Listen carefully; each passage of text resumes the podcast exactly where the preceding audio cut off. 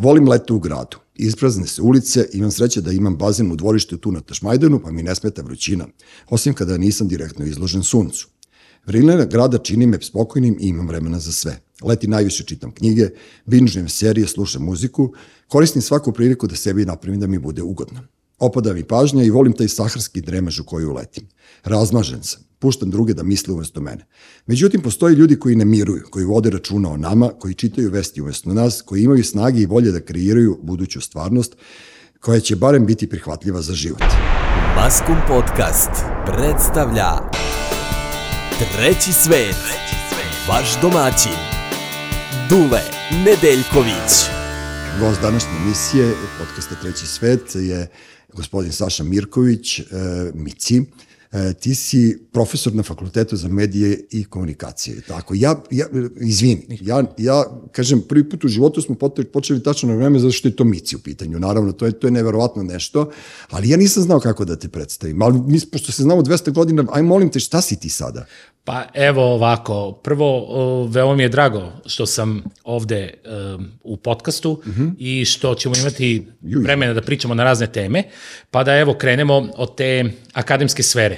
Znači, uh, u ovom trenutku ja sam još uvek predavač na Fakultetu za medije i komunikacije. Dobro. Jako imam znanje doktora nauka. Uh, uh, kada imate zvanje, onda možete na fakultetu da dobijete status docenta. Dobro. Posle izvesnog vremena vanrednog profesora, na kraju budete redovni profesor i onda ste beli medved.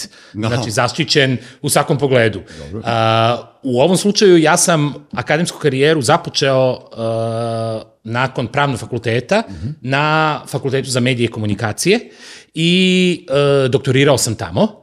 Tako da, u suštini, imam taj uh, uvid i kako je na Beogradskom univerzitetu, gde sam diplomirao na Beogradskom pravnom fakultetu pre 25 pre, godina. Pre, da, jeste. pre davnog vremena. Da, pre, da, dosta je, dosta mm -hmm. je vremena prošlo. Pre četvrt veka mm -hmm. diplomirao bi ja i ranije, nego me je uh, angažman na B92 um, omeo i neko mi je naravno bio prioritetniji u tom trenutku nego da diplomiram. Mm -hmm. uh, diplomirao sam znači 90 osme godine, a e, doktorirao sam znači e, 2000, evo sada 22. godine.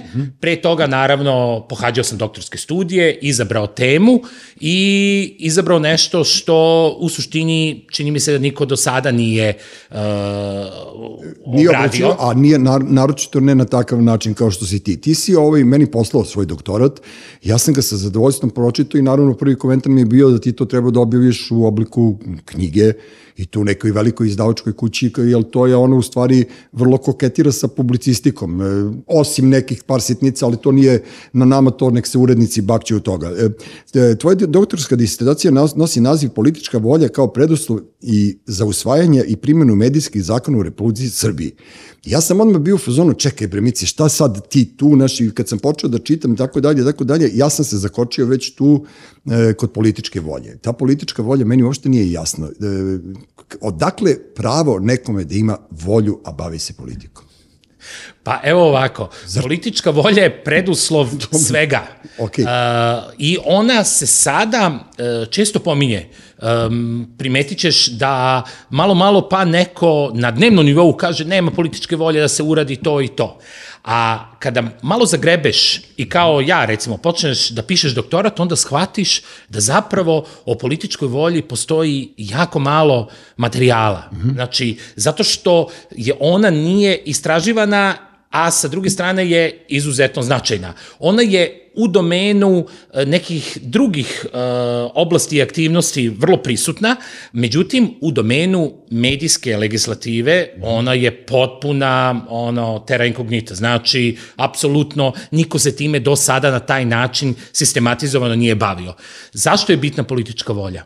Kod nas pogotovo u demokratskom, razvijenom svetu koji ima tradiciju parlamentarnog života, politička volja je potrebna kada mi na nivou društva, u okviru vladajuće elite, oligarhije i tako dalje, spoznamo i shvatimo da nam je potrebna određena regulativa, određeni zakon mm -hmm. i tog trenutka politička volja je potrebna da se taj zakon napravi, da se on usvoji i da, znači, počne da se primenjuje. Kod nas, politička volja je potrebna od trenutka kada mi shvatimo da nam nešto treba, pa do onoga trenutka kada mi svakodnevno primećujemo da nam je neophodno da se to primenjuje. I kod nas je problem što politička volja mora da bude u svakoj fazi prisutna, jer u protivnom ostaje mrtvo slovo na papiru. A čekaj, e, opet, opet se vraćam na to, e, sad e, vrlo, vrlo ti to akademski meni da. objašnjavaš, a ja bi ono da mi objasniš šta znači volja, ko, ko njima dozvoljava da imaju volju? E, znaš, e, da li je demokratija donela tu, to prokledstvo da mi moramo da stalno slušamo nekog koji je gori od nas, jer mi živimo na teritoriji gde, ćete, gde će večito biti iz, birani neki ljudi s kojima se ti i ja lično ne slažemo. Nebitno, da, da. znači potpuno ne, ne personalizujemo ovu priču, nebitno mi je ko je šta je. E, od kad smo klinci bili, od kad smo rođeni, mi smo imali nekog kome smo mogli ladno da budemo opozicija samo našim životima. I čime što čitamo, šta slušamo, da. šta radimo i tako dalje i tako dalje. Odakle odakle, odakle lagodnost da neko ima volju? Znaš, ko im dozvoljava da imaju volju? Pa, da li je to zakon ili je to u stvari... Ne, to je, to je u principu uh, popularnost, odnosno okay. Uh, podrška koju dobijaš na izborima. Jasno mi. I činjenica je da se pitanje političke volje u, ajde da kažem, na zapadu i u tim demokratijama uopšte ne postavlja onoga trenutka kada zakon bude usvojen. Zato što se, ako si želeo da ga usvojiš, onda moraš da ga primenjuješ. A kod nas je to opet pitanje volje, da li ti hoćeš ili nećeš. I evo ja ću ti reći recimo na konkretnom primeru ove medijske legislative kod nas. Znači, kada je došlo do smene vlasti 2012. godine, Dobro. mi smo tada imali medijsku strategiju koju je donela prethodna vlast 2011. godine. Dobro. Tada SNS koji je došao na vlast je mogao da kaže mi nećemo ništa da sprovodimo što su demokrate svoje vremena usvojile. Međutim, oni su imali pristup da se to primeni u, u potpunosti. Znači da sve ono što piše tamo, znači da bude sprovedeno u praksi, uključujući i usva, izradu i usvajanje medijskih zakona. I Rezultat toga je da su zakoni doneti, doduše sa zakašnjenjem, jer moji prethodnici su malo sporije radili, ali u svakom slučaju 2014. godine u avgustu mesecu su doneta tri medijska zakona. I ti si tada imao političku volju da se to uh, u izradi usvoji i da krene primena. Međutim, ta primena i ta volja za primenom zakona je važila jedno vreme. I onda je ta volja isklapila. I tog trenutka kada ti shvatiš da te volje više nema, onda donosiš odluku mm -hmm. da li ima svrhe ostajati u toj nomenklaturi kada je potpuno jasno da si na nekoj vrsti belo hleba, Jasne. s obzirom da nema političke volje koja bi te podržala, zato što je ona postojala u onom prvom momentu kada je započelo projektno sufinansiranje, kada je, znači, uvedeni su razni novi instituti, kada je država trebala da izađe iz medija, Jasne. Kolokvijalno rečeno se obavi privatizacija i tako dalje. E, onda kad se završi taj prvi krug, onda zapravo dolaze ključni izazovi i tu se pokazuje da li postoji spremnost nomenklature da to sprovede ili ne. Pa naravno da, e, dobro, e, sad si, sad si mi pojasnio da. tu stvar, da. ali opet ja se vraćam na Srbiju i ti, ti si da. pomenuo u svom doktoratu to da e, države koje nemaju ne, koje nisu stabilne imaju strašan uticaj e, crkve i, i, i, i vojske yes. ili recimo te ono ministarstva za silu što ih yes. ja nazivam yes. i da se u stvari političari više plaše toga nego, nego da primene neki zakon koji je potpuno normalan. To, to ja hoću da ti kažem, ja sam, ja sam pratio šta si ti radio i znam, i znam šta si radio i, i, i ono, pošto ja tebi a priori verujem. Naročito kada se radi o tim profesionalnim stvarima u koje ja ne, nisam toliko upućen i ja znam da si ti sve to uradio kako treba i da je to bilo krajnje dobronamerno i sad pojavi, postavi, pojavi se neki te kao crkve, ne znam, e, vojska kome se ti u stvari mor, kao političar moraš da dodvoravaš, Ali otkud i policija i vojska to znaju, jebate? Za, zašto bi se ti njima dodvoravao? Znaš, to je ta neka igranka bez prestanka i to neko držanje nekog statusa koji nikome od nas ne prije. Pa, I neće nam doneti boljitak. Da, da ti kažem nešto, ti sad imaš ovo što si ti davao primjere, oni su uglavnom uh, vezani za, uh, oni su uglavnom vezani za, recimo, primere kao što su um, vezani za aktivnosti ministarstva unutrašnjih poslova, uh, ministarstva odbrane i tako dalje. Ovde imaš drugačiju vrstu, mm -hmm. kako bi to mogli da nazovemo, veto igrača ti imaš um, veto igrače, znači one koji mogu da obstruiraju procese na različite načine. Evo, na primer, uh, ja ću uh, se prisetiti momenta kada smo mi, znači, uh, usvajali te zakone. Mm -hmm. Ti si tada imao situaciju da je, recimo, uh, uh, postojao veliki otpor da se konačno država izmesti iz medija. Znači, da izađe iz vlasničke strukture, da se obavi privatizacija. Uh, ono što je problem bio jeste što je svaka vlast koja je bila na ili opoziciji ili na vlasti se zaklinjala da država mora da izađe iz medija. Međutim, sa druge strane je radila sve da to obstruira. I onda kad je konačno došao taj dan da se to uradi, e onda je krenulo kukumavčenje, pa čekaj, nismo baš to tako mislili, nama se sad ne dopada ko je sad kupio to, na što je moje pitanje bilo, pa čekaj, a zašto niste onda kupili kada je bilo mnogo više para. Na primer, 2008. godine, odnosno pre ekonomske krize, kada je ovde uh, posle došao i Telenor, vi ste imali u investiciju od milijardu i 700 miliona evra, gde ste imali nikad bolju situaciju za kupovinu medija, međutim, tada nije ta nomenklatura imala političku volju. Evo, opet se vraćam. Jasno, jasno. Na političku volju. Obaveza izlaska države i privatizacije medije je postojala još 2006. godine. To je moralo se završiti 2006. Mi smo... Znači, mi smo već 16 godina. Nakon. Mi smo, jeste. I onda se, šta god mi, sad ne ulazim i u to uh, ko je kupio, na koji način i tako dalje, ali mi imamo situaciju da mi 2022. godine privatizujemo politiku. da, da, jasno. Znači, 22 godine posle 5. oktobra Neverovatno, da. Sad, nek tako kad mi pričaš, znaš, ja počinjem da razmišljam, te, te ta količina, kad, kad kažeš malo pre, nisam na vreme stigao da diplomiram, diplomirao sam pre 25 godina, znaš, meni ono kao totalno da. ludilo, pošto su se mi upoznali e, neposredno prije nego što si otišao u vojsku, dakle, mi smo bili deca kad smo se upoznali, znaš, sad odjednom kao neki mici koji si uvijek bio sinonim za ispravnost, kao ti si diplomirao pre 25 godina, to je meni nekako logično, ali sad kad mi pričaš to 2006. godine da je to bilo, pa ja znam e, koliko su bili bili, ne mogu da kažem jeftini mediji, nego ko je sve, znam dosta drugara mojih, počeši od Bojane Maljević i tako dalje, koji su imali medije u rukama i koji su na kraju krajeva se izborili svoje vremeno za neku poziciju u društvu, za te nacionalne frekvencije i tako dalje i tako dalje. Koliko se to u stvari ništa nije promenilo, koliko je to u stvari unazađeno uh, u ovom trenutku, a gledaj sad, najveća fora je u tome što sam ja, e, pošto kažem ti ja neke ljude prosto volim i, i, i kad sam slušao da si ti jedan od ljudi koji ono, koji uh, podržavaju cenzuru medija, pazi ti šta su ljudi pričali o tebi, ne, ozbiljno ti kažem, ti, ti si dobar čovjek, ti nećeš to da, da laneš, razumeš, ali meni je bilo u fazonu, ste vi bili normalni, kao, halo, zemljaci, pa ne pričate vi o Saši Mirkoviću iz Zaječara, nego našem Miciju, kao naš Mici da radi nešto protiv toga, to je nenormalno bilo. Razumeš? I sad kažem ti, ti kad meni to objašnjavaš, onda ti shvatiš da su sa svih strana tu čopori naletali, koji su pre svega bili ne, neinformisani. Oni ne znaju šta bi radili s medijima.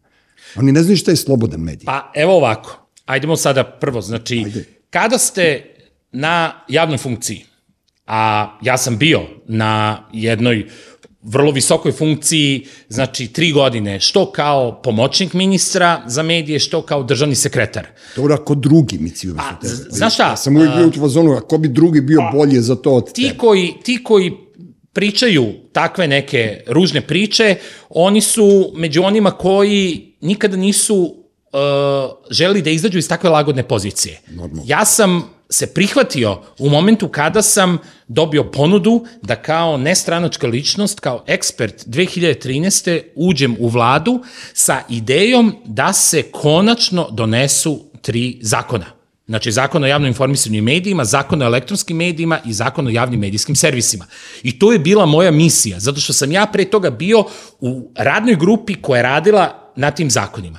A onda sam, kada sam ušao u ministarstvo, shvatio da ako postoji politička volja, opet se vraćamo nju, mi to možemo brzo da uradimo. I mi smo zaista od trenutka kad smo ušli u ministarstvo do trenutka kad su tri zakoni usvojeni, uh, to prošlo je manje od 10 meseci. Što je neverovatna Brzina. brzina. Ekspeditivnost, I da, da, da. onda ti to usvojiš, ti počneš to da sprovodiš, znači pritom sadržaj tih zakona je bio istovetan onom uh, sadržaju pre ulaska u Skupštinu. Zašto je ovo bitno? Zato što se često događalo da zakoni izgledaju dobro u javnoj raspravi i u formi nacrta, a onda uđete u parlament, što je bila moja noćna mora, da nekim amandmanima se potpuno promeni srž, suština zakona.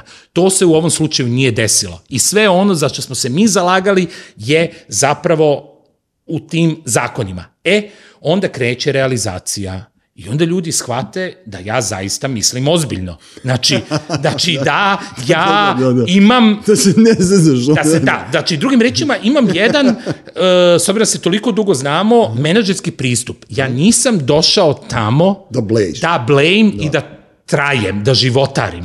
Ja sam došao da odradim jedan deo posla, znači da imam biznis plan, mislim neformalni, i da kažem, slušaj, mi ćemo doneti zakone, jer koja je svrha da se ja prihvatim posla, a da za početak zakoni ne budu usvojeni posle toliko godina, zatim da se ti zakoni sprovedu, da okončamo šta se već može uraditi i naravno da je to za mnoge ljude, kao čekaj, Prvo su bili, ma ne, nećeš uspeti da usvojiš zakone.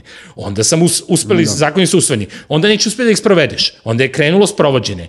I tu su se onda mnogi osetili ugroženim. Zato što su neki monopoli koji su do tada postojali, neke urbane legendi da nešto ne može, Jasno jasno. ne valja, ne, tako dalje, odjednom se pokazalo da to može da se menja. I onda naravno kreću priče.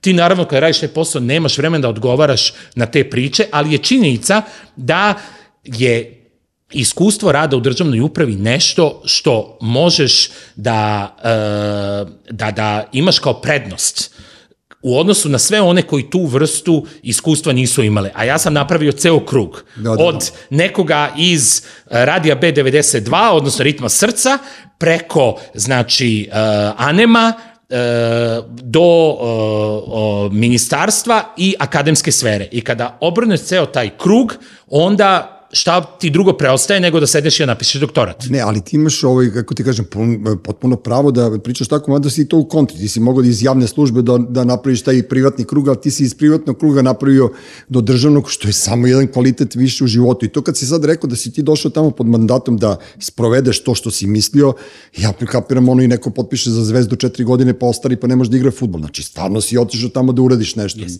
Ali ne, znaš, ne mogu da zamislim da, da postoji ono nešto kao što bi ti Zašto bi se ti prihvatao nečega, šta ćeš kao da živiš do penzije tamo, da, da, Ne. da blejiš po kancelarijama? Ne, to je prosto nemoguće. Postoje e, ti medijski zakoni kod nas su vrlo, vrlo, kako ti kažem, vrlo precizni i vrlo lepo govore šta treba raditi i kako treba raditi. Međutim, potpuna, ne mogu da kažem anarhija, pošto sam ja ono, provalio u poslednje vreme, posle razgovora sa Veljkom Lalićem, ja sam da. provalio da sam ja anarholibeler. Kao to mi je sad, sad mi je to novo, novo životno opredeljenje. Ne mogu da kažem da vlada anarhija, nego vlada, vlada nešto što ja ne mogu da definišem. Pre m, koliko godina, 12 godina ili 16 godina su podeljene te nacionalne fre- frekvencije. Sećam se gužve oko toga da li će RTL da dobije ili neće, bla, bla, bla. Dobili su B92, dobila je Happy, dobio je Pink, dobila je Prva i naravno javni servis. Sad e, umeđu vremenu se desilo to da su svi oni koji su podobijali po nekim elaboratima koji su tada priložili, danas to više nije, ne postoji. Ajmo ovako, Ajde. da bi ovo što nam se danas Ti si profesor, ja moram da razumeli. ćutim, da, ja sam đak. ne, ja ću to vrlo onako... Da, ja sam đak, ja ćutim a, prizemno i razumljivo da objasnim. Tak, kao, kao da meni objašnjavaš. Da, da, da. Znači, a, sve što nam se sada događa ima svoje korene u prošlosti. Normalno. Znači, neću da idem u 90. zadržim se na onom što se događalo posle 5. oktobra. Pa i dobro, ajde, to je, to je neka na, naša nova istorija, stvarno ne treba više Jeste. da idemo dalje. Ne, zato što doktorat se bavi i 90-im, ali konkretno ovde mene zanima ono što Jeste. smo mi očekivali da će se desiti posle 5. Čitao oktobra. sam ja e, ono naše očekivanje posle pobede. Jeste. Da. Posle pobede demokratije. Jeste. Kao, e, sad mene više interesuje, majke mi, ono kao neko ko, ko voli marginu, koji Da. izučava te neke marginalne i istorijske pojave i sve, mene interesuje šta se nama desilo posle 5. oktobra, to 90-ih, 80-ih mi je jasno potpuno. Jeste, Znaš, kao tad su nas ono, Da. džiberi su nam prošli ispod radara i napravilo se to što se napravilo, nećemo da se vraćamo, ni ti ja, ni ja nismo Da. učestvovali u, u, u sukobima sa ljudima i ja to uvek govorim i Da. napominjem. Strašno me zanima šta se desilo posle 2000. Pa evo, dovoljno je da kažem znači, da je prvi zakon koji je donet u sferi medija donet u leto 2002. godine. Znači, trebalo nam je skoro dve godine da donesemo prvi zakon, to je bio zakon o radiodifuziji. Dobro. To je ovaj zakon koji reguliše upravo raspodelu frekvencija. Od trenutka kada je taj zakon donet, pre 20 godina, to je ovo leto, pre dve decenije, sredina jula meseca, Dobro. znači do trenutka raspodele frekvencija, prošlo je još dodatnih četiri godine. Dušane, Pa šta su radili, brate? Pa šta se uradilo? Čekaj, zar ti ne pada na pamet da je nekome bilo u interesu da očuva monopole i pozicije stečene u medijskoj sferi tokom 90-ih? Čekaj, ja sam bio tada na 92-ci, tada smo Da. da. Ja radili na onaj jutarnji program. Ja znam da se tu nešto, da ste vi stalno bili jako uposleni Jesam. e, oko, oko cele te priče i ja znam da je to jako dugo trajalo. Ja sam otišao 2004. To se još nije, nije definisalo, a kad smo prešli u zgradu na Novom Beogradu, Gorici i ja smo otvorili taj studio, da. sećam se, sve je nekako bilo idemo na bolje, idemo na bolje, idemo na bolje i onda je došlo do toga da ste u Expo centru slavili godišnicu 92. pa kao ti Čalije Vera nešto od dela, pa dolaze tu razno razni nešto, pa smo nešto Alisa i ja sećam se stajali sa strane i baš smo ono smejali se, komentarisali smo gde su naši drugari dospeli, kao maltene ste bili u, u funkciji nekih državnika, znaš, ko, ko je sve prolazio i ko vam se sve poklanjao. I sad odjednom posle svega toga vi ste postali ono public enemy, jebate, naš u, ne, u nekoj priči, zato što ste, a vi ste 100%, ja, ja ne znam, ja možda grešim, ali vi ste 100% radili sve ispravno i po zakonu. Pa, evo, dovoljno da kažem. Znači, da je uh, posle 5. oktobra prva pogrešna odluka je bila uh, moratorijum na frekvencije, koji je tada uveden na saveznom nivou, to savezni ministar telekomunikacija je bio Boris Tadić. Mi smo Borisu rekli, nemoj to da radiš, zato što će to da nagradi monopole iz 90-ih, a nama će onemogućiti da dobijemo nacionalno pokrivanje. I tako je bilo. Da. Da li je recimo tebi normalno da posle 5. oktobra ova zemlja nema godinu i po dana ministarstvo koje se bavi medijima? Naravno da nije normalno, pa sve je bilo I- nenormalno. Rezultat toga je zakon o radiodifuziji 2002.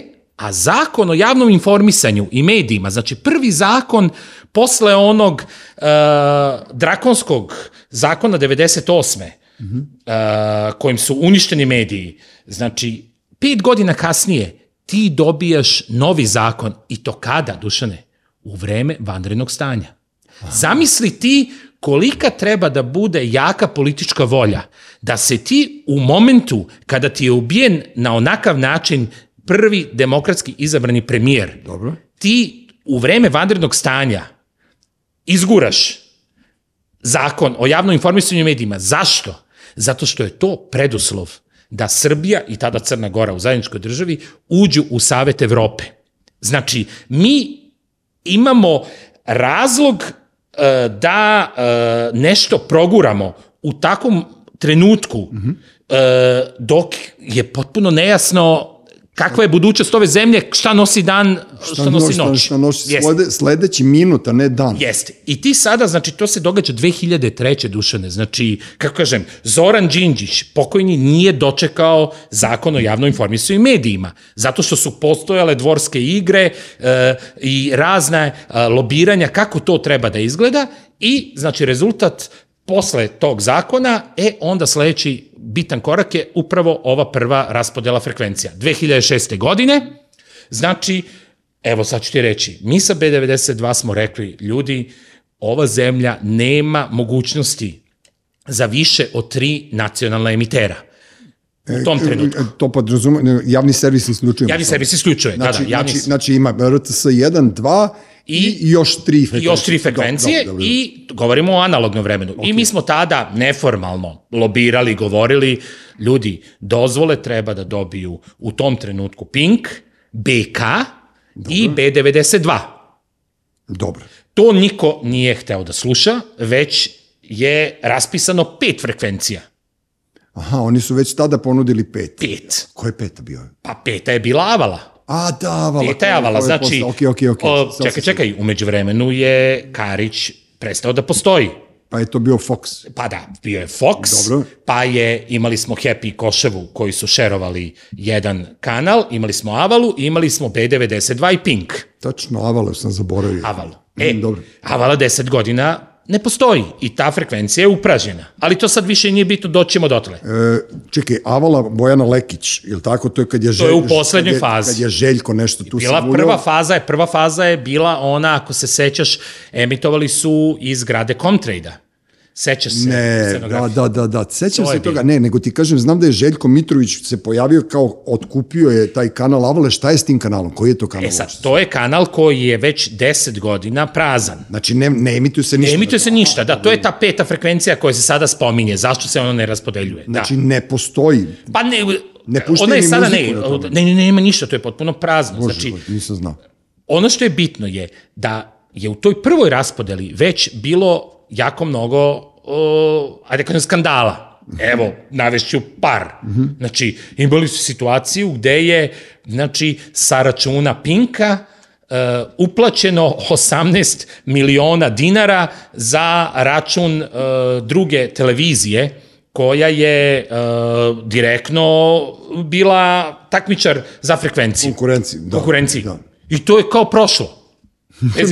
Onda, date su frekvencije televizijama koje još nise bilo, bile u etru. Što nije, to je Fox Dobro. i druga je Avala. Da, one nisu imale još program, nisu Jest. ni bile... I da, onda je tada bilo propisano da će one u roku od dva meseca da počnu sa emitovanjem. To se naravno nije desilo. I šta smo mi radili? Politička volja je bila tada toliko jaka da su oni menjali zakon da bi promenili sa dva na četiri meseca. I to je takođe prošlo tada. Da, bože gospode, a za... Evo, To se zaboravlja, a to i to je bila moja želja da, takve promeniš, da. pa da, da, da, da takve stvari između ostalog ostanu zapisane da bi moglo da se razume mnogo bolje kako smo došli ovde. Znači mi smo pre 16 godina isto tako imali skandale i to je prošlo bez ikakvog problema da ne pričam o načinu kako je nastao sadašnji REM, odnosno nekadašnji RRA, Re, Dobro. uh, Republička radio Radio- agencija.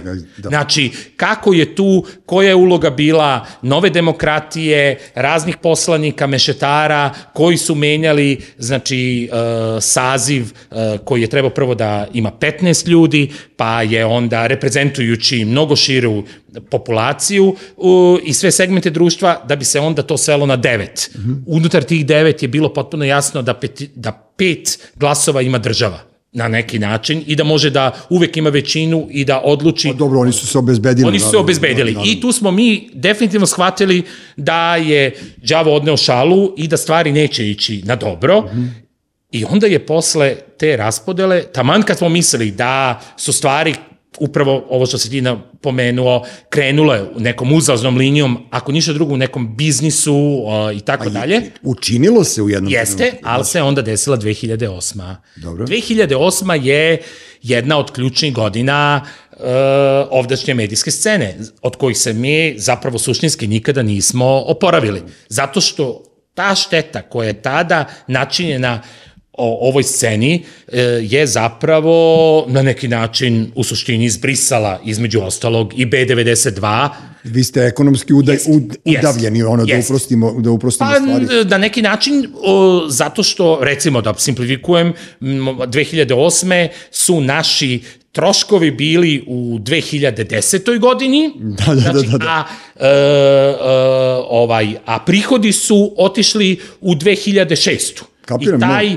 taj gap, taj uh, vakum niko nikada nije uspeo da nadomesti. To je taj veliki udar koji je zapravo ovde uh, koštao mnoge ovaj, i egzistencije, razvoja i tako dalje. Jeste, ali zato što ste vi, vi ste imali nacionalnu fre- frekvenciju, umesto država da stane iza vas, koji ste vi, vi ste počeli, ono, ne mogu kažem mi, vi ste Da. počeli e, sa ono, muzika, kultura, umetnost, e, s tim da, e, da ste imali jake vesti, ono, i, da. u sobstvenoj proizvodnji niste se ono, dodvoravali da uzimate vesti sa javnog servisa i vi ste tu počeli da smetate ne državi, zato što naš, svako ko misli liberalno ili svako ko ima drugačije mišljenje od oficijalnog, ma kakvo to mišljenje bilo, da, da li se slažemo u boji majici ili Da. ne, vi predstavljate opasnost, vi predstavljate pretnju, naročito ako ste ono jaki individualno kao što su bili vaši, vaši ljudi koji su radili za 92. I meni je to ok, potpuno jasno, ali nije mi jasno zašto ko, znaš, zašto, zašto su smetale neke stvari i dan danas mi nije jasno zašto ti i ja nekome smetamo, a znaju da ne mislimo kao oni i znaju da ne mislimo oficijalno i znaju da će se ti predržati zakona nego meni popustiti, ma koliko dobro da se znamo i zašto to ljudima smeta? Pa, evo, konkretno... Ne kapiram, znaš, ne, ne, i Željko Mitrović kad je dobio ping frekvenciju, se bio mu je Miša Kovač i Crkvenjakov su mu bili urednici dnevnika, pa Tanja Jordović mu je bila urednica programa, pa je bila Vojtehovski, znači on je imao ok, kao zamazuje oči nekome, ako je uopšte i zamazivao tada u tom tre- trenutku oči, jer ja ne mislim da je on mislio da će se baviti zadrugom po ceo dan, znaš, kao prosto bilo je nekako drugačije. Pa, bilo je, bilo je drugačije, ali i svet je bio drugačiji. E, Jeste. A Svet je bio drugačiji i ne, e, kako ti kažem, a, treba da imaš u vidu činjenicu da je ovde a, ono što je radila 92-ka u, recimo, domenu istraživačkog novinarstva.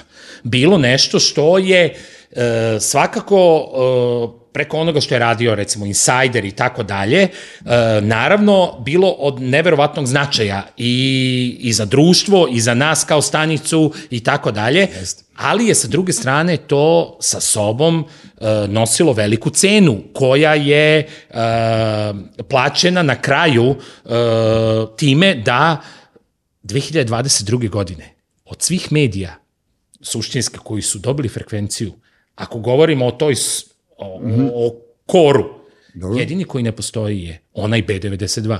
Svi ostali su opstali. Svi su Da, opstali. da, da, a- a- uključ, uključujući i, kako kažem, one koji su bili potpuno na margini po svojim rejtinzima, popularnosti i tako dalje, što ti šta govori?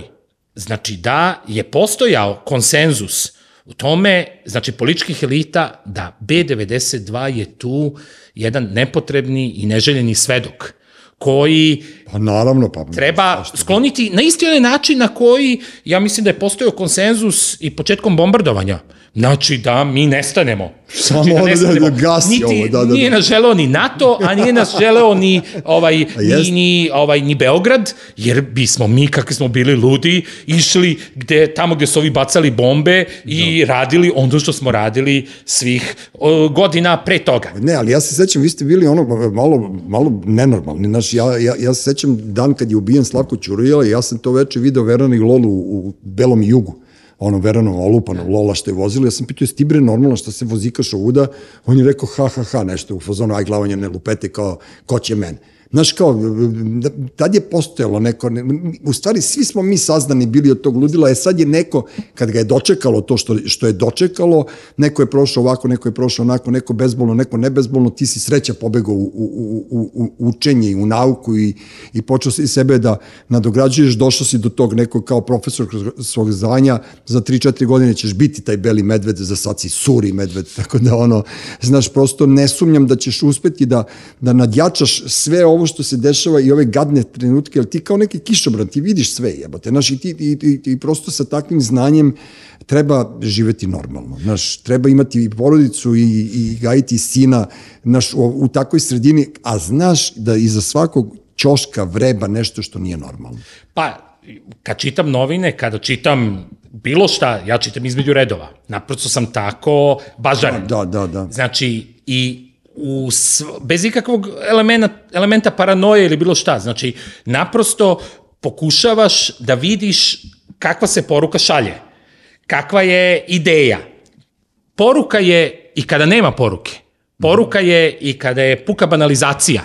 Znači, e, činjenica da e, ja stalno govorim da bismo razumeli ono što nam se događa, moramo da se vratimo u prošlost, je i zbog toga što smo mi imali e, mnoge epizode koje su u suštini bile, pa mogu slobodno da kažem, sramotne za, ajde da kažem, samo poimanje demokratije kao takve. Dobro. Znači, seti se, na primer, 2010. godine. Da li se sećaš, na primer, uh, da je malo falilo da vlada padne, zato što je trebalo izglasati izmene zakona o informisanju, gde je, uh, ko, na kojima je insistirao tada G17 i Dinkić i tako dalje, zato što je u svom ratu protiv tabloida po svaku cenu želeo da im dođe glave. Sad, kada znamo kako se uzdigao Dinkić, Dobro. on je obrnuo ceo krug i na kraju su mu oni postali neprijatelji. I, znači, ta vlada samo što nije pala, jedva su uspeli da na, na kaleme 126 glasova, -hmm. uključujući da je SPS odbio da glasa. Ti imaš u mom doktoratu spisak svih tih Video sam, poslanika. video I sam. to je jedna, ja mislim da bi mnogi voleli da taj spisak ne postoji i da se to zaboravi, zato što su te izmene zakona uh, posle proglašene neustavnim. Oni se proglašene neustavnim. Čoveče, šta su oni radili? Pa to kažem. I onda se posle ču, to je bila 2011. godina. I onda dođemo u 2011. godinu i u 2011. godini se pojavi jedan vrlo značajan dokument, a to je izveštaj Verice Barać, odnosno mm -hmm. uh, Vladinog saveta za borbu protiv korupcije o kontroli medija u Srbiji. Analiziraj malo, vrati se unazad kako je propraćen taj izveštaj. Bila je tišina. Svi su čutali. Čutali da. i to, o tome takođe pišem. Znači imaš, uh, posle izvesnog vremena se oglasilo par njih mm -hmm. koji su neki su se saglasili s nekim stvarima, neki su rekli da to apsolutno ne, nije, ne, ne odgovara istini i tako dalje, ali je činjenica da do ovoga trenutka to ostaje kao dokument koji e, nije nasledio nikakav sličan dokument. Znači, ne postoji. To je, to je bilo to je tada. u stvari poslednji krovni dokument. U To stvari. je poslednji, to je dokument koji je uh, koji su oni doneli, koji su taj kontroli, posle su imali još neke dokumente vezane za medije i u vreme kad sam ja bio u vladi, ali zašto ovo pričam? Zato što ti je tada da bi nekako tu štetu koja je napravljena tim uh, štetu vlasti mm -hmm. uh, uh, koja je napravljena tim izveštajem, oni su brže bolje pokušali da uh, premoste usvajanjem prve medijske strategije. I to je ta medijska strategija koja je doneta 2011. i važila od 2016. godine. Dobar. I 2012. se desila promena, onda su došli zakoni i o, umeđu vremenu mi smo imali, kada se, da se vratim na frekvencije, 2006. su podeljene, one su 2014. godine samo produžene. A dobro, to jeste, da. Jeste, i bez ikakve analize, bez znači, ikakve bez, evaluacije. Bez, el, bez elaborata, bez da elaborata. neko pročita da, jeste. o čemu se tu Elaborati radi. Elaborati su isti oni koji su bili 2006. Samo su prepisani ono prilike i to je Već to. Avale nije bilo u etru, Pa čekaj, ni 92 otprilike. Tada je već 92 ne, 92 je već imala novu vlasničku strukturu. Ali je otišla sa starim elaboratom. Nije, nije, ni išla, nije ni išla nigde. To da. je bilo, to je, to je ta dozvola koja je tada dodeljena. Tad je su samo, Grci bili, ili Jeste, samo su Grci upisani na osnovu te transakcije. To je ono što ste vi radili, oni su samo to... Da, da, da, to niko da. više nije. Sada se prvi put pominju te elaborati zato što 2014. oni nisu ni razmatrani. Ali NUNS insistira sad na tome, to sam video, tako? Pa ne, insistiraju svi. Dobro, ali kao svi. ovi su se nešto sad ali... odjednom na, našli to, neću kažem, neću nikog da vređam, naravno opet da. je našli da se prave pametni sad 2022. Oni insistiraju na elaboratima o Pinku. Šta, šta očekuju? Dobit će kristalno jasno da tu ima i dečeg programa i dokumentarnog programa. Mislim, znaš, kao svi uslovi će u elaboratima biti ispunjeni. To i ja i ti znamo, tako da...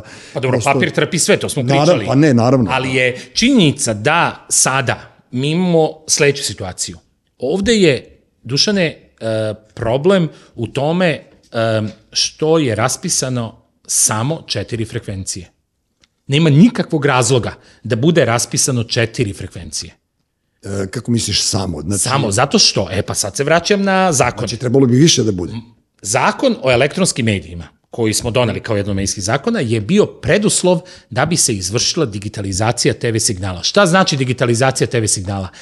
Da li si, kad odeš negde, pa upališ televizor na selu, mm -hmm. na planini, se igde susreo sa onim snegom? Ne, Ne. više to ne postoji. Pa to je posledica digitalizacije. To je bilo 2015. Od 2015. više nema snega. da, da. Da simplifikujemo. snega. Dobro, ali ja, ja znam... Digitalizacija, Da. mi smo kasnili, kasnili, kasnili, ali na kraju, kao i uvek, uradimo stvar na kraju. Da. I uradimo je e, sredinom juna i digitalizujemo TV signal. Od tog trenutka, prvo, televizije više nisu televizije. One se zovu pružaoci medijskih usluga. To je formalno. Drugo, dozvole se ne izdaju za emitovanje. Dozvole se sada daju za pristupanje digitalnom multipleksu kojim se pokriva teritorija države. To je jedno dugme koje vama na osnovu dozvole omogućuje da možete da se vidite na teritoriji cele Srbije. Znači, moja strina tamo u nekim Moravcima, pored Ljiga, ona može sada da... Može kada dobije kada imaš tu dozvolu za e, nacionalno čekaj, emitovanje, e, odnosno multiplex. Od vremena digitalizacije, to ajde 2015. Jeste, jeste. i ovaj podcast se radi ono zbog digitalizacije. E, te nacionalne frekvencije analogne, tako da ih nazovemo, one koriste samo za to van Beograda. One više ne, analogni više uopšte ne postoje. Pa to ti kažem. Više ne postoji to, to je, a ovo je analog, zato ja kažem da ovo što radi REM je analogni Analog. pristup digitalnom resursu. A ne, oni to kode vrte, onaj fiksni Ma telefon. da, otprilike, potpuno znaš, on- nema svrhe. Da. Nema, Nema- svrhe ni postojanje tog tela, po meni, pošto oni... To je, pa na ovaj način na koji sada funkcioniše, slažem se sa tobom da je krajnje diskutabilno. Znači, znači ja, ja pričam ono, ja više pričam ono, e, kako ti kažem, kafičke priče i ono lične utiske, nego iz pozicije tebe koji si bio tamo i koji si u vladi, koji si sve to prošao, kao što ni savet za štampu. Ja, moja draga drugarica Tamara Skroza koja je u, u tom savetu, ja sam je milion puta rekao, zašto vi služite tamo, držite lastiš, ono kao da se tužakate po, na informer po Twitteru, mislim, ja ne kapiram naš savet za štampu, onda se oni nađu i kao, kao konstatuju da je informer ili ne znam ko povredio, ne znam, svojim e, naslovom slobodu govora, slobodu ljudskosti, slobodu bilo čega. To se dešava svakodnevno i niko to ne može da reguliše, razumeš? Pa, znaš šta, to je isto pitanje,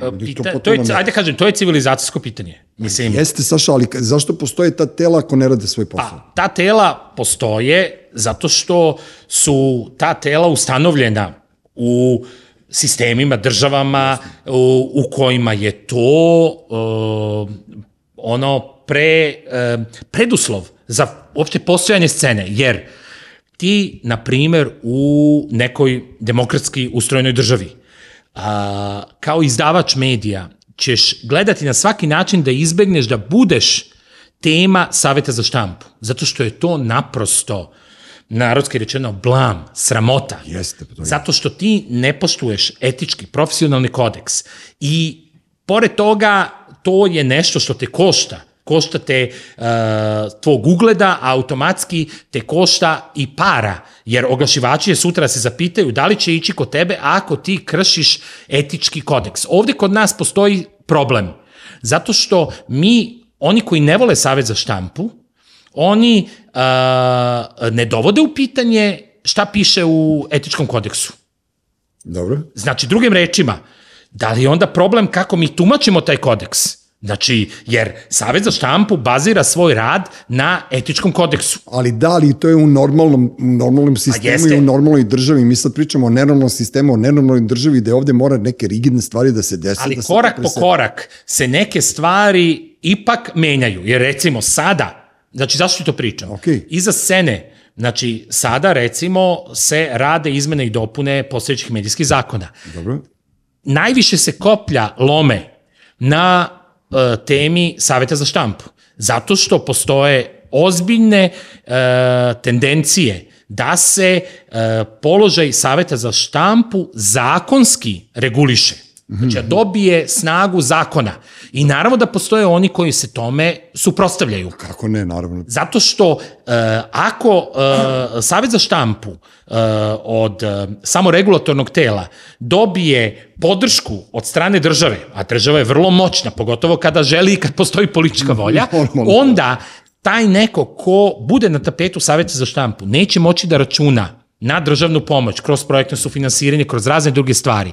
Tako da nije um, uh, ta borba uh, baš bez, uh, beznadežna, ona je teška, mnogi ljudi odustaju, mnogi se razočaraju i tako dalje, ali Savet za štampu pokazuje da nema saveta za štampu onda bi REM mogao da kaže pa vidite to ne funkcioniše ni u domenu samoregulacije. Da. A Savet za štampu ipak pokazuje da uprkos otporima Znači, ta samoregulacija funkcioniše. A u slučaju REMA, mi ne možemo da imamo samoregulaciju. Mora da imamo regulaciju zato što je to ipak ograničeni resurs. Bez obzira što je digitalni. Nekada je bio na analogni, sad je digitalni. I sad šta imamo kao problem? Problem je dušane u tome što digitalizacija omogućava da možeš da imaš koliko god želiš nacionalnih emitera. Naravno, niko nije lud da da 20 nacionalnih frekvencija. Moda kakva smo zemlja, ništa me ne bi začutilo. ima, ima Poenta se, je u tome što u zakonu o elektronskim medijima postoji član 23 koji je još 2014. godine obavezao REM da donesu strategiju audiovizualnih medijskih usluga, što znači svega ovoga što mm -hmm. se dotiče emitera, pružalca medijskih usluga i tako dalje, i ta strategija bi trebala da važi 7 godina. Mi smo danas u 2022. godini. Dobro. Nacrt te strategije je urađen 2015. godine, bila i neka mala javna rasprava i onda je gurnut u fioku. I... I mi sada ulazimo u ovaj proces bez ikakvog validnog strateškog dokumenta, bez ikakve analize.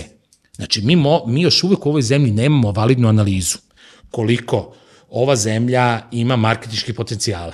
Ti ćeš otići u bilo kog istraživača, on će reći koliko je tržište. Tržište je 230 miliona evra u 2022. godini uh, što je rast uh, i to je ohrabrujuće. Ali ono što je problem Dušane, mi u ovoj zemlji imamo preko 2600 medija u registru medija. 2600. Mi imamo preko 300 radio stanica, mi imamo preko 200 televizijskih stanica. Ti shvataš, mi imamo preko 800 registrovanih portala. Dobro. Što je sve u neskladu sa brutodruštvenim proizvodom, ekonomskom situacijom. Znači, mi kao i uvek imamo vrlo kompetitivno medijsko tržište. Ali, upravo zbog toga je potrebno da neko izvuče neke zaključke iz te analize i kaže, slušajte ljudi, ne možemo mi da raspisujemo samo četiri frekvencije. Mi možemo da raspisujemo više, možemo da raspišemo znači, uh, za onoliko koliko ispunjavaju uslove. Ali da bi ispunjavali uslove, mi pre toga moramo da imamo neke parametre za te uslove. A u ovom slučaju kad nemaš analizu, onda ne možeš ni da imaš parametre. Znam, ali vidiš ti sad e, samim time ono, teraš ljude da, da rade pametno svoj posao, da počnu da razmišljaju, jer ako se napravi konkurencija, bude 15 nacionalnih frekvencija, ostaće samo tri da, da imaju leba da jedu, što ja kažem, razumeš? I to bi bilo, to bi u stvari njima, njima polomilo noge. Seti Znaš, se šta sam rekao kada smo pre 20 godina lobirali da bude tri emitera. Sada si imao situaciju da je pre par nedelja Željko Mitrović rekao ja mislim da ovde ne treba da bude više od dva. Aha, pa dobro, jasno mi. Jer se tržište konsolidovalo. Jasno mi. Zato što sada je trend da je dovoljno dva. Pritom, ovde imamo još jedan element koji takođe ne, ne treba zaboraviti, a to je činjenica da ti sada imaš uh, pokrivanje preko kablovskih operatera. Jasno mi. Ja mislim da je ovde mnogo bitnije pitanje da li će se u ovoj zemlji omogućiti da svi mogu svude da se vide?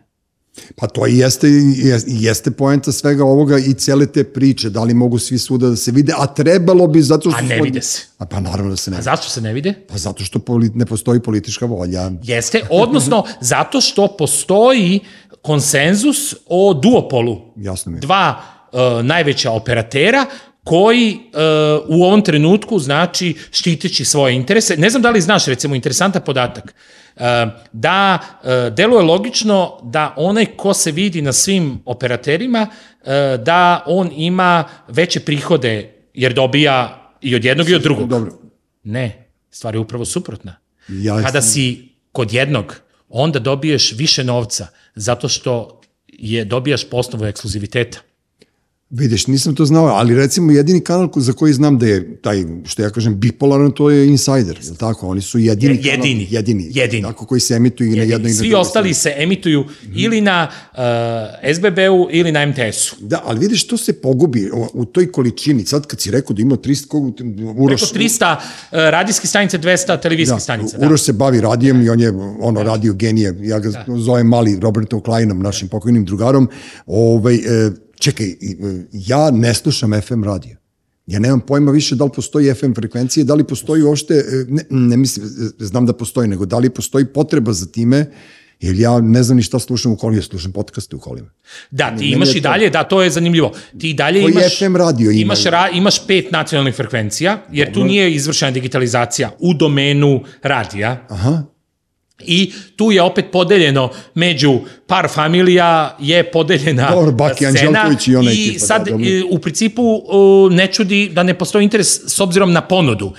Kad sam rekao 2600, to ne znači da je svih 2600 aktivno, ali uzmi i hiljadu skloni u stranu, hiljadu i po na ovoliko je ogroman broj. I sada, naravno da nikome ne pada na pamet. Ja da sam, da sam bio cenzor, kao što su pričali, pa ja bi se prvo pozabavio time da ugasim te medije. To nikome ne pada na pamet. pa trebao si da ih pogasiš. Pa, e, to niko neće da uradi, već e, zato što je to, mnogo toga je zaostavčeno i 90-ih. Seti se. Ali znam, ali kažem ti, stalno se tu nešto kao ispod, naš, Je, iza leđa, to. iza leđa mota, mota, Ima mota. nešto o čemu se ne priča. Jasno. Postoje teme koje se ne dodiruju. Kao omerta da je, Jeste. ono, naš, kao zavet Upravo to. čutanja, jebati, niko Jeste. ne sme ništa da kaže, i, svi, su- a svi imaš se pametni. e, mnogo duplih imaš Jeste. mnogo licemerja, imaš mnogo, uh, kako kažem, e, pristupa koji zapravo nije principijelan, već u zavisi od toga kom taboru pripadaš, Jasno. u tom smislu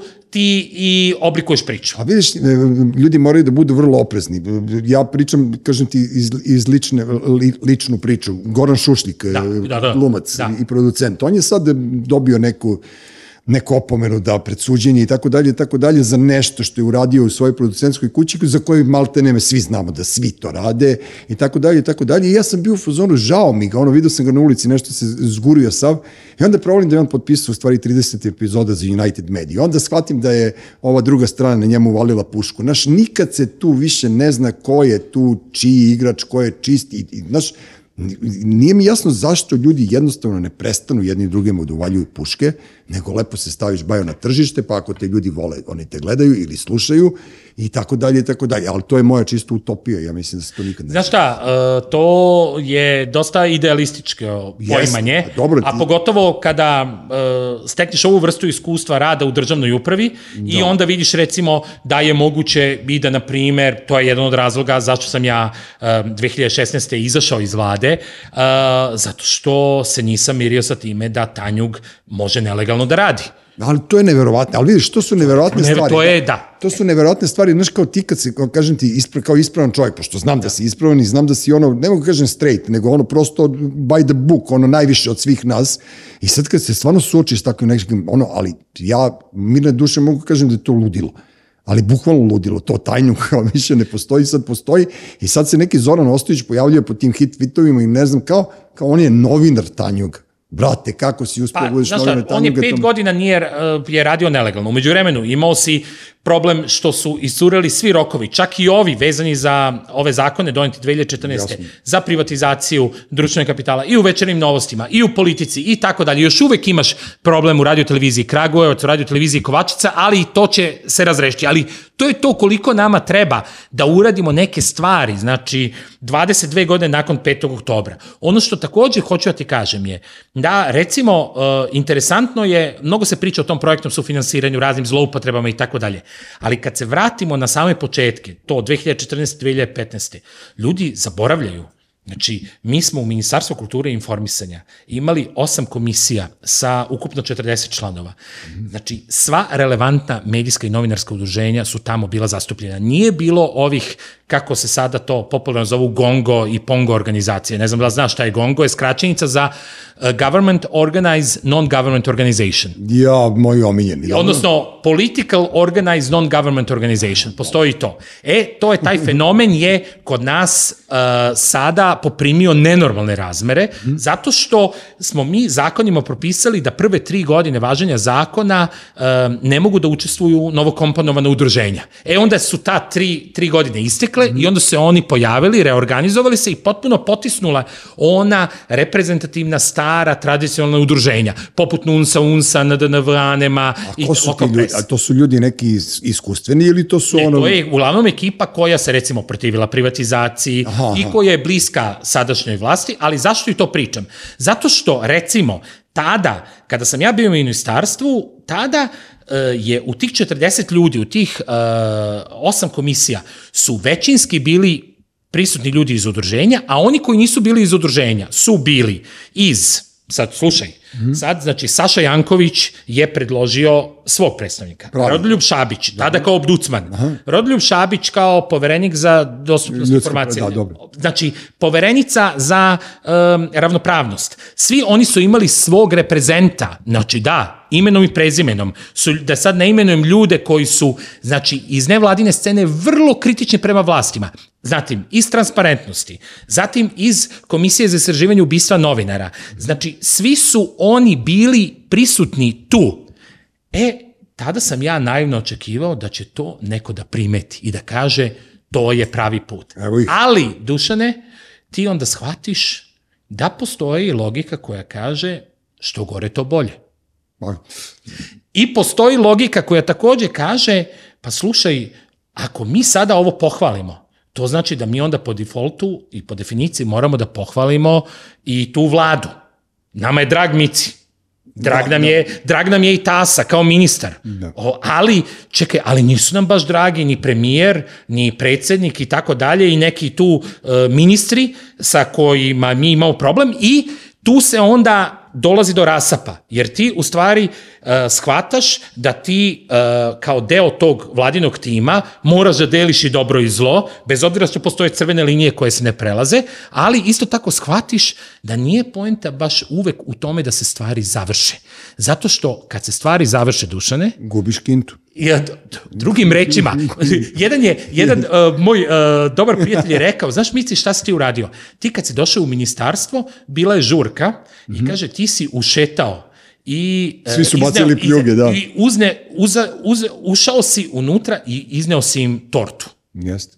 I oni su rekli, čekaj bre, kao da mi sad, mi smo do sada sekli tu tortu. Ne, ne, ne. Ja sam rekao, sad ćemo da je sečemo na drugi način. Jeste. E, to je bila prva stvar. Druga stvar, Dušana, je bila da sam ja naivno mislio da rešavanje jednog, pa drugog, pa trećeg problema će biti pozdravljeno. Ne. Kad ti rešiš problem, onda to normalno donator će doći i reći, a, pa onda smo rešili problem, ovo smo cirkulirali, ajmo nešto novo. E, pa onda treba pisati novi projekat. treba da se trudiš. Treba ba, pisati novi projekat, da. treba pisati nešto i, znači, nije poenta u tome i druga stvar je što ako ti imaš na takvom mestu nekoga ko je spreman da odgovori, onda to nije, nisi čak za udaranje. Da, da, da. da. Mnogo je povoljnije imati nekog ko je tamo potpuno nekompetentan i nezreo za tu funkciju, gde ti uvek si nadmoćen odnosno njega. A kada dođe neko ko zna svoj posao, pritom ima crvene linije, sad naravno, kako to biva kod nas, mnogi kažu, e, da nam je to vreme kada je bilo, kao što ja kažem ono, pravit ćete nas od blata. Jeste. A vidiš sad, e, šta je meni palo na pamet dok tog pričaš. U vreme Slobodana Miloševića, kad je B92 bio ono manji, kako, ne, ne manji, nego mlađi, e, svi smo mi bili e, protiv slobe. Da. Znači, ne samo vi u radiju, ne samo vi u medijima, ne samo ljudi koji voze gradski autobus, ne mi stewardese, ne ovo, ne ono, mi smo svi listom bili protiv toga do 2000. godine da, da, da, da skinemo ratove s grbače, da se operemo, da nismo takvi ljudi i tako dalje i tako dalje. I onda su vas nazivali, ne znam ja, stranim plaćenicima, bla, bla, bla, bla, ali vi niste bili strani plaćenici, jer ste vi radili iskreno. I to je razlika velika između ovoga sada, što te pominješ, to ja to klasifikujem u NGO, ali ajde, možda grešim dušu, ali to je to. E, sadašnjim e, opozicionarima, uslovno rečeno, se ne isplati da Vučić se pomeri odavde, jer oni neće moći da dobiju kintu zato što je ovaj diktator, zato što su oni ugroženi, zato što su ugrožena ljudska prava, potpuno prenebregujući, pre, prenebregujući to što si ti radio, što su još neki ljudi radili, ja nemoguće da za ovih 12 godina, koliko ovi jašu ili 11 ili 10, neke lepe stvari su se desile. Ja sam pohvalio kako izgleda e, Kosančićev venac, pa su me čebovali na društvenoj mreži, brate, tamo su bili pacovi od pola metra, pa danas je lepo, čisto, imaju kafići, ima tako dalje, tako dalje. Tako da je meni potpuno jasno, znaš, da si ti u tom entuzijazmu izgoreo, jesu ti uvalili pušku, onako iskreno da, da budem, neki ljudi od koga ih to nisi očekivao. To su ljudi koji ti kažeš, ne znam, sad Vučić da, da, da, da nam svima podeli po, po tonu zlata, ovi bi našli da ga pljuju i to na najprostiji mogući način. Razumeš, ta, taj prostakluk, taj varvarizam se uvuka u naš govor, to ranije nije bilo. Mi kad smo bili klinci, mi smo govorili, persirali starije. Naravno. Ja i dalje persiram ženi na trafici kod koje kupujem pljuge, a koja je mlađa od mene 30 godina.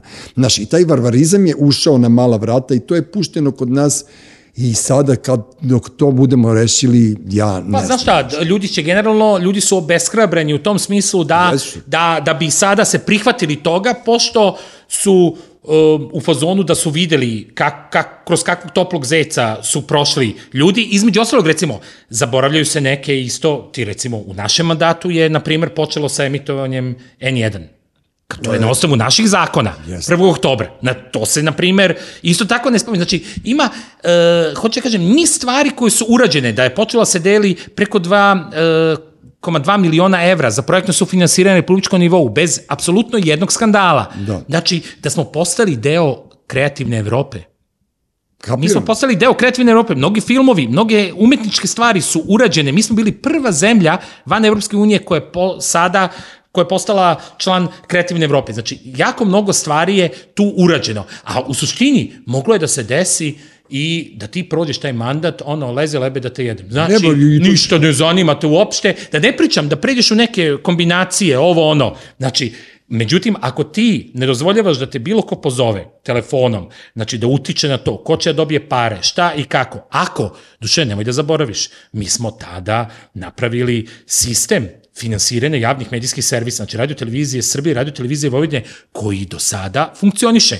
A, kako kažem, ja mislim da i RTS i RTV nikad nisu imali bolju finansku situaciju, u tom smislu, u smislu stabilnosti finansiranja, kako kažem. U... Ali, ali RTS ne radi svoj posao. E, to je... to je druga stvar, ali tu opet dolazimo na takođe interesantnu temu. Mm -hmm. Znači, ja sam opet išao kontra e, neke uobičajene logike kada sam se kandidovao za poziciju generalnog direktora mm, RTS. Ja sam to odobravao svim srcem, Jeste. ali su, ljudi su bili u fazonu... Seći se kakve su bile reakcije. Kao da li sam ja normalno, a ko, ja sam bio u fazonu, a ko drugi je? Ne zato što ja glupo je da ja pričam o sebi. Ne, nego, nego si ti menadžer, ti si dete televizije, ti si čovjek koji je prošao tog, tog toplog zeca, koji je prošao sve i svašta, e, praveći jednu televiziju koja je bila brend vremena, istorijski brend vremena i logično je po logici stvari da sad kad si doktorirao i kad si postao profesor, šta drugo da budeš sem direktora javnog servisa? I ko ima više prava da konkuriše od, tamo od tebe, neki papalikuća koji je, ne znam, ja bio reporter do juče, alo,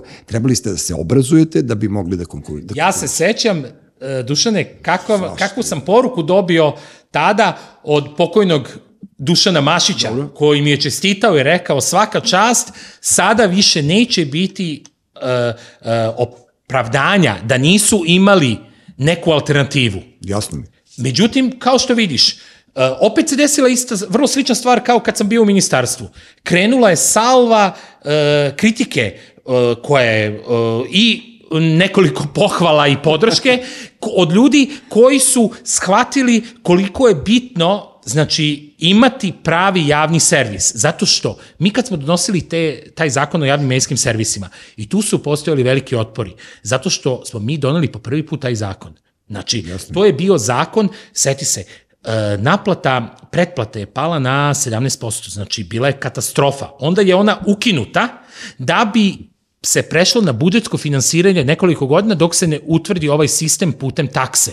I sada ti imaš taksu od 299 dinara. Na električno brojilo. Na električno brojilo. To je sad dodatno, e, sad opet se vraćamo. Dobro, mora, ali moralo je uz nešto da se veže. To je ono što ti ja kažem, radikalne e, metodi neki moraju da... Ali da duša ne, znaš zašto je moralo da se veže? Zato što kad imaš pretplatu, pretplata u sebi sadrži voljni moment. Mm -hmm. Da li hoćeš ili nećeš da platiš? Pošto mi nemamo lične poreske brojeve, kao na primjer u Americi. Jasne. Ili kao što na primjer postoji u Hrvatskoj. Social security number. To jest. Gde, preko čega sve možeš da kontrolišeš. Znači ti onda si morao da nađeš načina kako da vežeš i obavežeš ljude da plaćaju. I onda je to bila ideja preko električnog brojila. Zašto za osam godina nije to postao deo zakona o javnim medijskim servisima, nego to je deo posebnog zakona. Nemoj mene da pitaš. Da. Naći će odgovor u doktoratu. To je nedostatak političke volje. Čekaju se izmene i dopune tog zakona, pa će onda to da se ubaci, a za to vreme taj zakon menjamo svake godine i produžujemo njegovo važenje za narednu godinu. Verovo ti ili ne. Znači, koji su to nonsensi? Znači, da sam ja u ministarstvu, to bi se oposrilo na prvoj sledećoj sednici. Da. Kažem, zato što, kao što se promenio i zakon kada je postojala politička volja pred uh, ove poslednje izbore. Jeste. Seća se. Da li je moguće da ćemo mi ceo život provesti i na kraju ćemo pomirati da se ništa neće pomeriti na bolje ovde? Ne, ozbiljno, ne, sad razmišljam, znaš, kad ti pričaš to, ti pričaš iz pozicije e, velikog entuzijaste i ono, ja, znaš, kao, neću da ti oponiram, pošto pametne stvari pričaš i ne želim da ti oponiram, ali ne mogu da ti kažem ložiš se, mici, znaš, nego kao prosto ono, mnogo si ti bre fini, evo, znaš, mnogo si ti dobar za ovaj džumbus u kome mi živimo ovde. Nekako bolje prolaze ljudi poput mene koji možemo da uđemo i u mulj i da se zakačim i za kamion gradske čistoće i da vozim neregistrovano auto, znaš, nekako ta ispra, neispravnost je bolja nego ispravnost. Ja sam, ja sam nekako to najbolje definisao kroz nešto se zove javni interes. Mm -hmm. Znači, taj javni interes ja sam se izborio da on bude u dva zakona. Jedan je zakon o javnom informisanju u medijima, a drugi je zakon o javnim medijskim servisima. Znači ti ima tačno definisano u ta dva zakonska akta šta je to javni interes koji treba čuvati i promovisati. Dobro. I on se vezuje za misiju javnih medijskih servisa. On se vezuje za projektno sufinansiranje. Šta treba ovde podržati? Ne treba finansirati neke stvari koje se finansiraju kroz svakodnevno funkcionisanje. E, u tom smislu taj javni interes je za mene neka vrsta ono svetog pisma. Znači, to je nešto što me rukovodi i vodi kroz život. Znam da sam na mnogo puta ispao naivan, da nisam bio na žurkama gde su se donosile neke ključne odluke Jeste. i na moju štetu kako kažem, ne, jasno ali, jasno mi. kako kažem, nemam ništa od toga da lamentiram, samo je velika stvar kada imaš mogućnost da može svima da pogledaš u oči, da nemaš nikakav bagaž koga bi se stideo, i gde možeš, znači čak i na te spekulacije da si bio u nekim pričama vezanim za cenzuru i to, ja samo tražim da mi to neko pokaže i dokaže E, A ne, na, ja znam da tebe to ono čačka i boli, naravno, zašto iz lupetanja. Besmisla, da, ali, ali to su neke, stvari, znaš, svaka laž e, koja se pominje x puta, vremenom postane istina, razumeš? To da, je... ali, ali to je neverovatno, pazi, ja se sećam kad sam ja radio na radiju B92, pa sam ja, Čalija mi rekao, mogli bi da uvedemo SMS poruke. Onda ja, pošto sam bio nestrpljiv, dao sam svoj broj, pa su slušalci počeli da prave interakciju sa mnom i s Goricom. Ovaj, ne možeš da shvatiš koliko je to bilo, u stvari znaš i sam. I onda je došao kompjuter koji je to generisao i tad je krenulo, posle sedam dana su krenula vređanje. Da, pa da. Znaš, 15 ono fenomenalnih poruka, onda kao mrtvu ti majku da, i tako da. dalje. Onda dete ću da ti zakonjam. Znaš, mi smo bili, ja sam bio u fuzonu, ja sam krio to nekim papirom, stavio sam da Gorica ne vidi šta sve tu piše i onda nisam mogao da oćutim milion puta pa sam odgovarao. Onda sam shvatio da ta interakcija u stvari najkretenskije nešto što može da se desi, tako da ovaj podcast nema. Nemaju pravo ljudi da komentarišu, jer da, mene boli, u, da. bol, ali baš me briga šta drugi da. ljudi misle.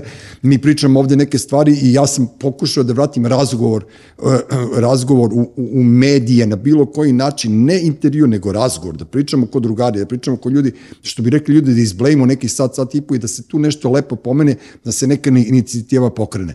E, tako da te mediji i sve to, i sad ja razmišljam sad kao čekaj, jel ima neko ono, u ovom trenutku pametniji predlog ili, ili bolji predlog ili bolju strategiju za javni servis od tebe? Nema, prema tome, ali znaju ljudi, brate, kad bi ti došao na direktor, za direktora javnog servisa, tu više ne bi bilo baba koji se češljaju, tu ne bi bilo kombinacija, tu ne bi bilo pasuljarskih livada, tu ne bi bilo ono kao, ne znam, šarenica, pa daj ono kol, kolucira cira da mi peva dete.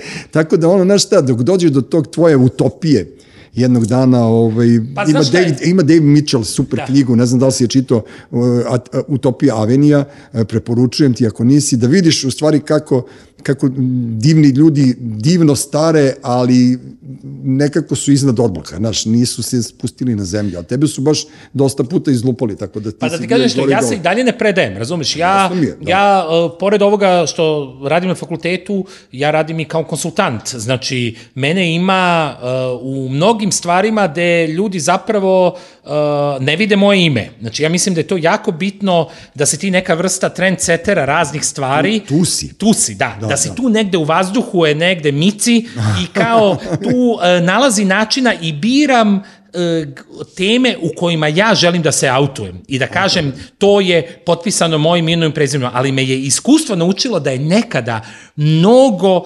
pametnije i mnogo e, e, e, praktičnije da e, to plasiraš preko nekih e, kanala, preko nekih ljudi da. na neki način i da to onda krene da živi e, neki svoj život e, mnogo lakše nego da si ti izašao sa tom idejom. Sve mi je jasno, ja sam se potpisivao kad sam radio za Pink nešto Zoran Gutan ili Goran Gutan, to je Oran Gutan samo Da, da, dodaš da, da. ili Gr. Tako da e, to kad kažeš autuješ, ne autuješ, ali prepoznaju se neke stvari, tako da od Jeste, nekih stvari ne možeš jeste. pobediti. E, moram da te pitam nešto, Uroš Milovanović mi je poslao da. sinoć ono na Viber poruku, 7,5 km je bila, e, i sad ja sam to uspio da kao- nekako svratim, i s- pročitaću da ne bi ono improvizovao, da li kod nas može da se sprovede ideja college radija kao u Americi? Da to bude community service, muzika, kultura, umetnost, a da se na sat vremena emituju vesti sa javnog servisa, tako nekako smo i mi radili svoje vremena taj omlinski program koji je iznedrio dosta profesionalaca, tako je radio i Studio B. Ali taj community, taj college radio bi radili profesionalci. I da li je moguće to kod nas ovde Pa sprovesti? u suštini bi moglo uh, da se to realizuje pod znači jednom formulacijom koja postoji u zakonima, to su ovi zakoni koji su usvojeni u mom mandatu, a to su mediji civilnog sektora. Znači mi imamo tu formulaciju, mi imamo čak i neke članove zakona koji stavljaju te medije civilnog sektora u povlašćenu poziciju. Problem je samo što mi imamo samo nekoliko takvih uh, medija koji su uh, civilnog sektora i to tek treba da se razvija. I u tom smislu ove izmene i dopune zakona koje sam pominjao treba da između ostalog daju uh, još podrške kroz zakone i stimulaciju za nastanak takvih medija. Tako da je college radio jednako uh, mediji, odnosno radio civilnog sektora. E, mi smo bili kao omladinski program Ra- Ritam srca, mi smo bili finansirani od Saveza socijalističke Gradske omladine. konferencije Ja- Saveza socijalističke omladine Beograda, GKSSO Beograda. Ne, nikad ne bi ponovio, ali ajde, ima, ne, ima, Kasnije omladinskog saveta. ima mici koji se seća toga, tako da smo mi bili plaćani od, od, od ono, kako se to zove, mladih komunista. Jeste, ali sad čekaj da se potpuno druge vratimo stvari. samo na to, vrlo ću kratko. Tada nisi mogao da imaš mediji, a da ti osnivač nije bila politička organizacija koja te je finansirala. Sada svako može da ima mediji, ali, Ali je pitanje kakav. ali, je, ali je pitanje kako se on finansira. Skoro sam bio u Crnoj Gori, tamo još uvek postoji, tamo su oni u fazi u kojoj smo bili pre deseta godina, a to je da se bave vlasničkom strukturom. Ovde se više niko ne bavi offshore-om, vlasničkom strukturom i tako dalje. Ovde je, zato što papir trpi sve, Jasno mi je. ovde je ključno koji su putevi novca. Odakle pare dolaze, ko finansira i da li se to negde piše. Na primer, na osnovu postojećih zakona, ti u registru medija imaš obavezu da kao organ javne vlasti kažeš da si toliko i toliko para prebacio tom i tom mediju. To niko ne radi i to i zbog toga niko nije kažen. Pa to ne, Zato što, opet se vraćam, ne postoji politička volja, jer, Dušane, kada bi se videlo u registru medija ko dobija pare po raznim osnovama, potpuno legalno, znači u smislu preko računa, nikakav keš, znači onda bi ti shvatio da je vrlo diskutabilna priča da li je neko uh, više dobio od fondacija iz inostranstva, kao nevladin, uh, nevladin organizacija, ili su, da li su oni strani plaćenici ili su ovi dobili neuporedivo više naših para, poreskih obveznika, Jeste. Kroz javna preduzeća i kroz jazne druge institucije koje imaju dosta velike... To ti isto svađa između Zvezde i Partizana, košarkaškog kluba, naročito sada kada ispadne na kraju da je država u stvari finansijer više Partizanu nego Zvezdi i tako dalje i tako dalje. E, sad sam teo da ti pitam, e, ovo Freedom House, novinari da, bez da, granica, svi ti ljudi koji se bave nekim korektivnim da. faktorima u našim životima i koji imaju neku ovaj, autonomiju i imaju neki dignitet da bilo šta kažu. I oni primaju pare od nekoga. Uh, da ti kažem... Šta znači, šta da, znači da. u stvari Mici biti slobodan novinar? Da. E, da li je moguće, sad ja tebe plaćam, da. razumeš, i ti kao glavanja je ružan. Znaš, i ja ću da ti kažem, ne možeš to da radiš na mom mediju. A ti kažeš, ja sam slobodni novinar i kažem, važi, naći ću neko ko je neslobodan. Kako to uspeš da, kako to uspe da se progura to, da budeš slobodan, ili kako biraš stranu na kojoj ćeš da budeš? Ko je spreman da plaća nešto, neki naš entuzijazam? Jel postoji pa, toga uopšte ili ovo čisto utopija? Činjenica je da ti u suštini uh, između reportera bez granica Freedom House-a postoje razlike. Uh, zato što je reporteri bez granica su mnogo više nevladina organizacija. Ma dobro, to da. Postoje, postoje bliže i jače veze sa državom, kako kažem. I to, to jeste možda, kako kažem, uh, dosta, dosta ovako uh, senzitivna tema u tom smislu što moraš da imaš više parametara na osnovu koga neko klasifikuješ da li je bliže države ili ne. Ali je činjenica da uh, postoje institucije koje su E, nekim svojim dosadašnjim radom izgradile određeni ugled. I recimo, Dobro. kad si, na primer, pomenuo reportere bez granica, oni su uveli pre 20 godina indeks medijskih sloboda. Znači, na globalnom nivou, 180 država, oni, znači, uh, imaju monitoring i odlučuju i kažu ovo je na ovo mesto, ovo je i tako dalje. E, šta je zanimljivo? Znači, da smo mi kao država bili najbolje plasirani na 54. mestu 2014. godine, Dobro. kad sam ja bio državni sekretar u Ministarstvu kulture i informisanja. Šta hoću da kažem? To je, znači, najbolji plasman za ove 22 godine. Znači, ni u vreme prethodne vlasti, ni u vreme sadašnje vlasti, mi nismo bolje plas, bili bolje plasirani. Šta želim da kažem? Ova vlast je bila na vlasti tada kad smo mi bili najbolji. Da ali je isto tako bila na vlasti i onda kada smo bili na 93. mesto, to je bilo prošle godine. Što šta govori? Govori o tome da ili ti uh, time želiš da pokažeš neko svoje drugo lice, ali isto tako ti si činjenicom da si bio najbolji plasiran 2014. pokazao da ti kad hoćeš možeš. Možeš kad hoćeš, pa naravno. Ako to je... nećeš, onda ćeš da ideš i ispod stotog mesta. Šta želim da ti kažem? Da je to jako dobar pokazatelj koji takođe govori da ti oni daju šansu i kažu, ajde pokaži šta možeš. Mi ćemo to da pohvalimo, da podržimo i tako dalje.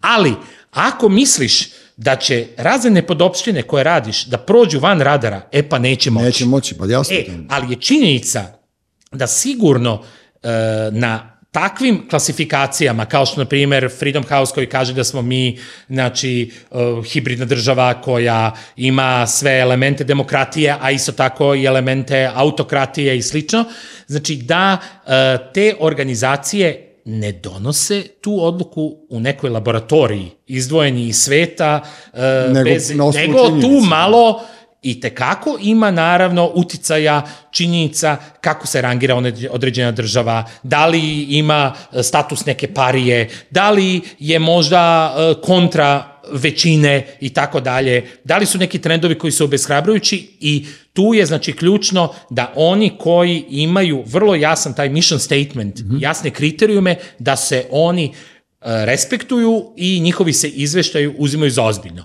A oni koji su, znači, koji su, služe za, kako kažem, dnevno političke potrebe, mm. oni vrlo brzo izgore i bivaju prepoznati. E, a vidiš šta mi je palo na pamet, ti si rekao, pre neki dan sam te gledao na njima, nju, ne znam kako se zove, kod Slobe Georgijeva, da, Newsmax, da. Ovaj, rekao si da se svi ti medijski, i, glavni medijski zakoni provlače leti. Jest, jest. I to je nevjerojatno sad na ovih 40 stepeni kad svima nama ono fokus samo da legnemo u lad i, i vodu, oni tu šljakaju punom parom i tu se provlači nešto ispod Baš mi je drago što si tu temu ovaj, po, pokrenuo, pošto se ja evo sve vreme držim maramicu i graške znoja sklanjam. Ja, ja se da, da, da. izvinjavam, ali ovaj, je činjenica da e, je to bio slučaj sa najvećim brojem zakonom, uključujući sticajem okolnosti i sa zakonima 2014. godine. Dobro. Znači, tu je agenda bila da je u nekom trenutku samo procenjeno da bi to bilo potrebno, ja, a mi smo sve uradili.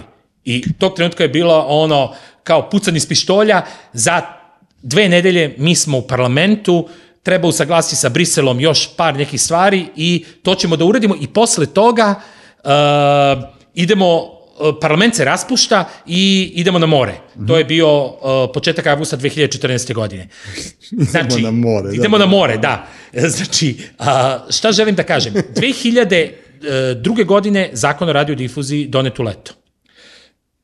2000, uh, znači, uh, uh, desete promene takođe neustavne u leto. 2003. smo rekli da je bilo u vreme vanrednog stanja. Da. Znači, sva, svaki put se to događalo leti. Zašto, Dušane? Zato što, pogledaj već sada gradske ulice. Nema niko živa. Raspustila su se deca, Jeste. još ko ima da polaže ispite, tu je. Moja ćerka, naravno. Da, Znači, da, da. A, imaš da nađeš mesto za parkiranje, nije tolika gužva da pređeš most ko živi na Novom Beogradu ili radi tamo. Znači, kome je, a zamisli kako će biti za mesec dana. Ništa žive duše neće biti 4. avgusta, će samo da, da izađe neko i da kaže ko je dobio nacionalnu frekvenciju i ćao. E, i ko će, ko će da protestuje, ko će da se buni, Niko. a pogotovo je tu bitna stvar što je REM dozvolio, Savet REMA je dozvolio da dozvole bukvalno ističu početkom avgusta.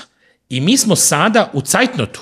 Što drugim rečima znači, ako bi sada nekim slučajem REM odlučio da ne da ne, ne da dozvole, raspodelite, ne raspodeli ovim tim pružocima medijskih usluga dozvole, to znači da bi oni nastavili da rade nelegalno. Dobro, i ko bi... I onda bi naravno rekli da smo mi koji smo kritikovali proces krivi za to. A ne bi se, znači to je to spinovanje, a ne bi mogu se da- da. pokrenulo pitanje, a zašto vi, majstori, niste pre sedam godina doneli strategiju na osnovu koga smo mogli sve malo po malo da uradimo. Ja ću te samo podsjetiti da je Tada kada su produžene dozvole 2014. godine, tadašnji zamjenik predsjednika Saveta Rema je rekao da će to da bude prevedeno u dozvole za pristup tim multipleksima samo kad se završi digitalizacija.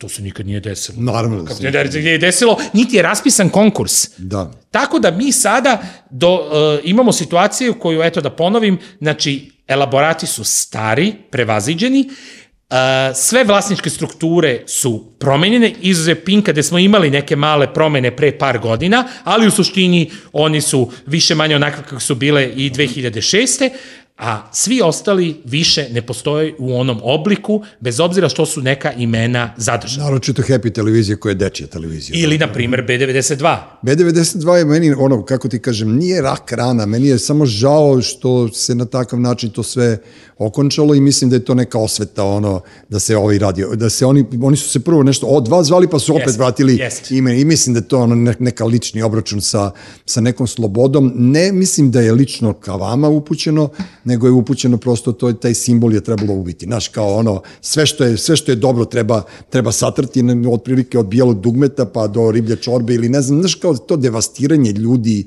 i Pa, posle njihove smrti i svega toga i, i, i, i sve to, naš, kako ti kažem, ta kancelovanje nekih e, zasluga, nekih ljudi za ovaj grad i za ovu državu je ono, naš, svi su izloženi na tapetu nekih ono džibera i meni se to ni malo ne sviđa. Mislim da bi... I mnogi, mnogi su tu e, nastradali, da. ono, i živčano, i neki su platili, nažalost, i životima. Pa znaš i sam, ja, prosto- ja sam hroničar, nažalost, tih da. preranih odlaza, tragičnih odlazaka. Čoveče, ko je sve umro, jel kad se setim mamule, kad je umro, To otprilike... je, evo, sad- sada je bilo 20 godina u decembru. 20 godina, njegova majka je dolazila ovaj, u radio i donosila nam i uvek valjda za Ima njegov običaj da rođendan. kažem da smo mi tu na neki način, to je, izgubili smo nevinost 2001. kad je Maki umro, Mamula, jer smo da. tada shvatili u stvari da smo svi smrtni. Čoveče, znaš ti da je Mamula, kad smo mi radili onu ploču 101 otkuc u ritmu Jeste. srca, da je Mamula jedini koji je meni izgledao prihvatljivo Znaš, ja, ja, ja ne volim ono, one štofane pantalone i to. Jedini je Maki izgledao prihvatljivo sa te ekipe Indeksa 202. On je bio onako, on je Dobro, radio... bilo je, bilo je dosta njih koji su... Ne, dosta... on je, pa smo posle igrali futbol s njima, on, nisam ih voleo, ni Kovačevića, ni onog Žigića, nikog nisam voleo, Mamula mi je bio jedini dragi iz cele te ekipe, tako da on naš prepoznaju se dobri ljudi, dobri, dobri ljudi se... Ali bilo je dosta njih koji su uh, uh, nakon um, onog sukoba sa Nenadom Cekićem i odlaska da, oni su te se ekipe, vratili. znači mnogo njih je ostalo uh, sa nama iz ritma srca. Yes. Znači samo da pomenem, imali smo Milicu Kuburović, imali smo pokojno Dušana Mašića, imali smo Dragana Đilasa, to su sve kadrovi. To su indeksovci, nisu ritma srca, ne budemo... To su indeksovci, da, indeksovci koji su... Iz ritma ne, ne, ne, ne, koji, izvinjam se, da, da, uh, lapsus. Oni su iz indeksa Nemoj se mi, da. sa nama, kako kažem, ostali su sa nama. Ne, oni su se priklonili pametnijima. Znači, i urbanijima, i boljim, ja seti se koje muziku su oni puštali, nemoj da me zezaš. Ne, ne, naravno, naravno. Ali ti, hoću pa da ti kažem, si doživljavaš logove zato što je ono naravno, od njihove muzike. Ali hoću da kažem da je mnogo njih koji su potekli sa indeksa 202 jeste, jeste, jeste. su zapravo na kraju završili na radiju B92 kao velike face. Kao zaslužni. Kao zaslužni i do dana današnjeg to je već i zaboravljeno ono kako ta predpriča, to se mi sećamo kao dinosaurusi. Ne, mi se sećamo ritma srca. Pazi, ja se sećam, znaš kao zašto su mene vezivali za tu 92 kad ja nisam imao veze s tim, jer sam ja otišao pre nego što je osnovan. Da. Zato što smo mi bili taj ritam srca. Mi smo se emitovali na studiju B Jest. i onda su ljudi po gradu vezivali to uz neke Jest. naše likove, prepoznavali Jest. su nas i tako dalje, tako dalje, jer prvih pet godina niste se čuli oko Jeste, ne, mi smo imali zgrada. privremenu dozvolu Jeste. koja je trajala, znači, ja sam imao običaj, kažem da je istorija B92 zapravo istorija zabrana. Prva da. zabrana 9. marta 91 kad smo bili van etra, druga zabrana 96. godine, tokom velikih demonstracija, tokom demonstracija 96. Mm. 97. to je ona voda u koaksijalnom kablu, Dobro, kada smo konačno dobili ugovor za emitovanje i na neki način legalizovali svoj status. Kad mi onaj debeli ukrao ploče, onaj Nemanja? Ne, to je bilo 99. 99. godine. Da. Prvo je bilo, znači, kad su nas sklonili iz etra neposredno pre početak bombardovanja, a onda početkom aprila kada su došli, Jest. znači, ekipa iz SPS-a, uh, sadašnji, ovaj, jedan od čelnika SPS-a, Vladan za građanje, je došao sa ovaj, uh, džudistima iz, iz Sjenice i nas isterao, pošto nisu imali ništa pametnije da rade u trenutku dok je zemlja bombardovana. To su bili naj, najbolji ortaci, inače našeg bivšeg urednika Steve Vuletića, to neću, neću da ga skrijem, koga je ono, jednom sam se ja posluđao s vremenom kad je on, ono, eh, zahvaljivo se ko je sve učinio, onda je pomenuo Stevu za koji ja nisam mogao ne sirogo, ne džemper da podnesem, ali to su neke naše lične priče, nećemo sada da pričamo o tome koga smo volili ili ne, seti se Vojkana Ristića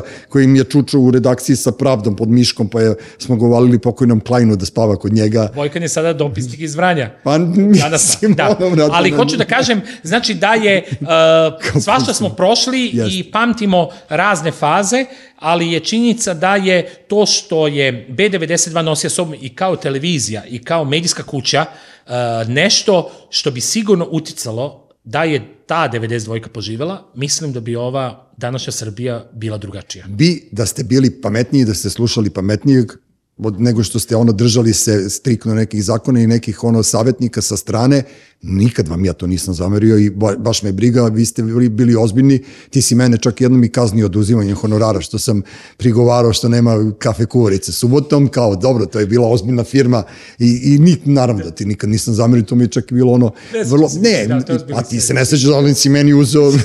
nisam bio poznat po tome da sam kažnjavao ljude, razumiješ? Pa mene si kaznio, tako da ono nema veze, pošto sam, pa ne, nego nije bilo subotom ujutru kad smo radili, ovaj, nije bilo, da. gosti su nam dolazili, da. nije bilo kafe kuvarici. Onda I si ja napravio bio, scenu zbog I onda toga. sam ja napisao kao, pa da li bi mogli da nam omogući da, da, da. ono i onda je do to što od tebi ti si me kaznio. Pošto bi svako inače pisao nešto i tako pa, da. dobro, i svaki direktor bi me kaznio, da, da, tako da ono, naš, kao, nemoj ti glavanja da uništavaš. To je sad to neko korporativna pravila yes, i tako yes, dalje, dobro, koji su... Ja sam, kako ti kažem, meni ste bili užasno simpatični. Ja sam, ono, kad, ja sam taj ritam srca doživljavao vrlo emotivno i mi smo tu živeli sa tom celom idejom. Kad ste počeli da pravite firmu, vi ste otišli u neku drugu pravcu, ja sam otišao u drugom pravcu, lepo ste vi to radili, nikad nisam imao neku zamerku. Šta se to posle godinama izdešavalo? Ni tada nisam imao zamerku, mada ljudi često govore da sam ja bio grub. Jesam, zato što sam grub kod da kad me riba ostavila, znaš, kao, ali nisam znao dubinske priče koje sam posle saznao i onda sam bio strašno ovaj, zabrinut za sve vas i naročito kad je Robert umro, tad, tad sam totalno ono, doživeo neki slom i onda sam bio u fazonu od sad više nikad ništa ružno, ni o kome od tih ljudi neću reći, čak, čak ni impulsivo ništa, a Robert Klein je bio, e, nemoj da misliš da mislim na tebe, Robert Klein je bio poslednji put u etru uživo kod mene u Radio Laguni. Ne. Gorica i on došli 1. maja kao nešto i onda smo se zezali, puštaju neke džinglove iz tog nekog našeg vremena i on jedan posle toga umro i... To je jedna od najvećih tragedija i... Mislim da je to, ta, da sam, to je ono što ti kažeš, Maki je započeo, Robert je zakucao sanduk. Jeste i evo sada odlazak to to. Mašića nas je isto tako potpuno dotukao. Čoveče, Mašić, ja, Mašić i ja smo pili kafu tri dana pre nego što je umro i sa idejom, e, on je, kad smo radili podcaste, on je počeo s nam, sa mnom da radite i govorni podcast, Tamara Skroza i Bojana Maljević. Ma, da, ma, ja kažem, Mašiću, ti ne bi mogo da urediš ovce u toru, pošto je to bilo malo nesretna kombinacija za mene, ali ajde, radili smo s puno ljubavi skoro dve godine.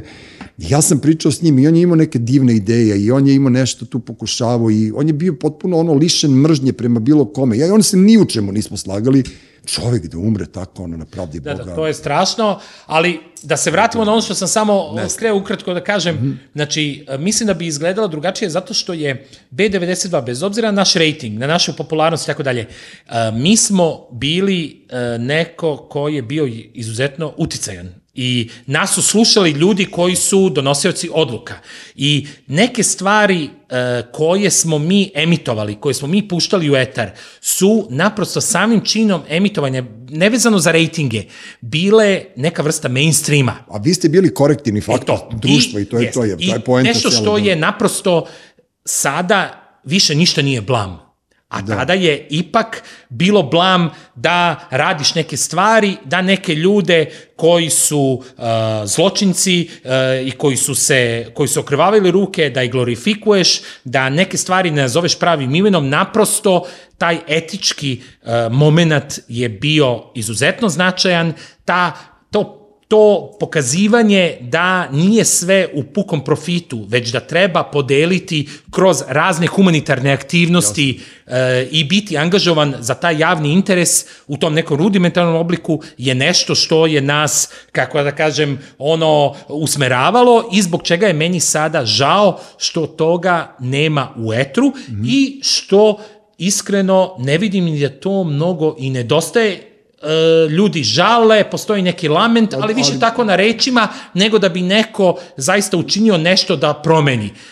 E, ne, tu si skroz upravo, ja se setim sad ono kad smo, mi, mi nismo imali ni po 20 godina kad smo radili ono ako imaš sidu E, ima, ako nemaš sidu, imaj me u vidu. Pa sam ja rekao, daj Bože, samo da to ja nisam napisao. Vera ni ja kad smo svoje vremeno, ono, kad sam ja Sefi lupio Krstić, ono, da je, da je pozitivan. Mi smo se iz zezanja, iz šale, iz nekog klinačkog, ono, revolta ili bilo čega hteli da ispravljamo, da radimo to. Pa ona, ona sa Rim Tuti Tuki svoje vremeno, ja sam bio sa Canetom, Giletom i Milanom, kad su pravili taj tekst i cele te fore se sećam i koncerti neki koje smo radili u skrcu dobrotvorni. Znaš, nekako smo vukli, vukli, vukli kao konji da bi danas imali pravo da, da, da uživamo u lepoj pen, ne penziji, nego u lepom ovo, ovom mladoj starosti, što ja kažem, i ono kao, ja sam strašno srećan što imamo svi porodice, što svi na neki način smo se ostvarili i na taj način, ono kao nismo lišeni empatije od života. Znaš, moja deca su ono, moj ukras, tvoj sin je ono isto tu negde. Tačno smo tu negde svi podobijali decu kada je trebalo da je podobijemo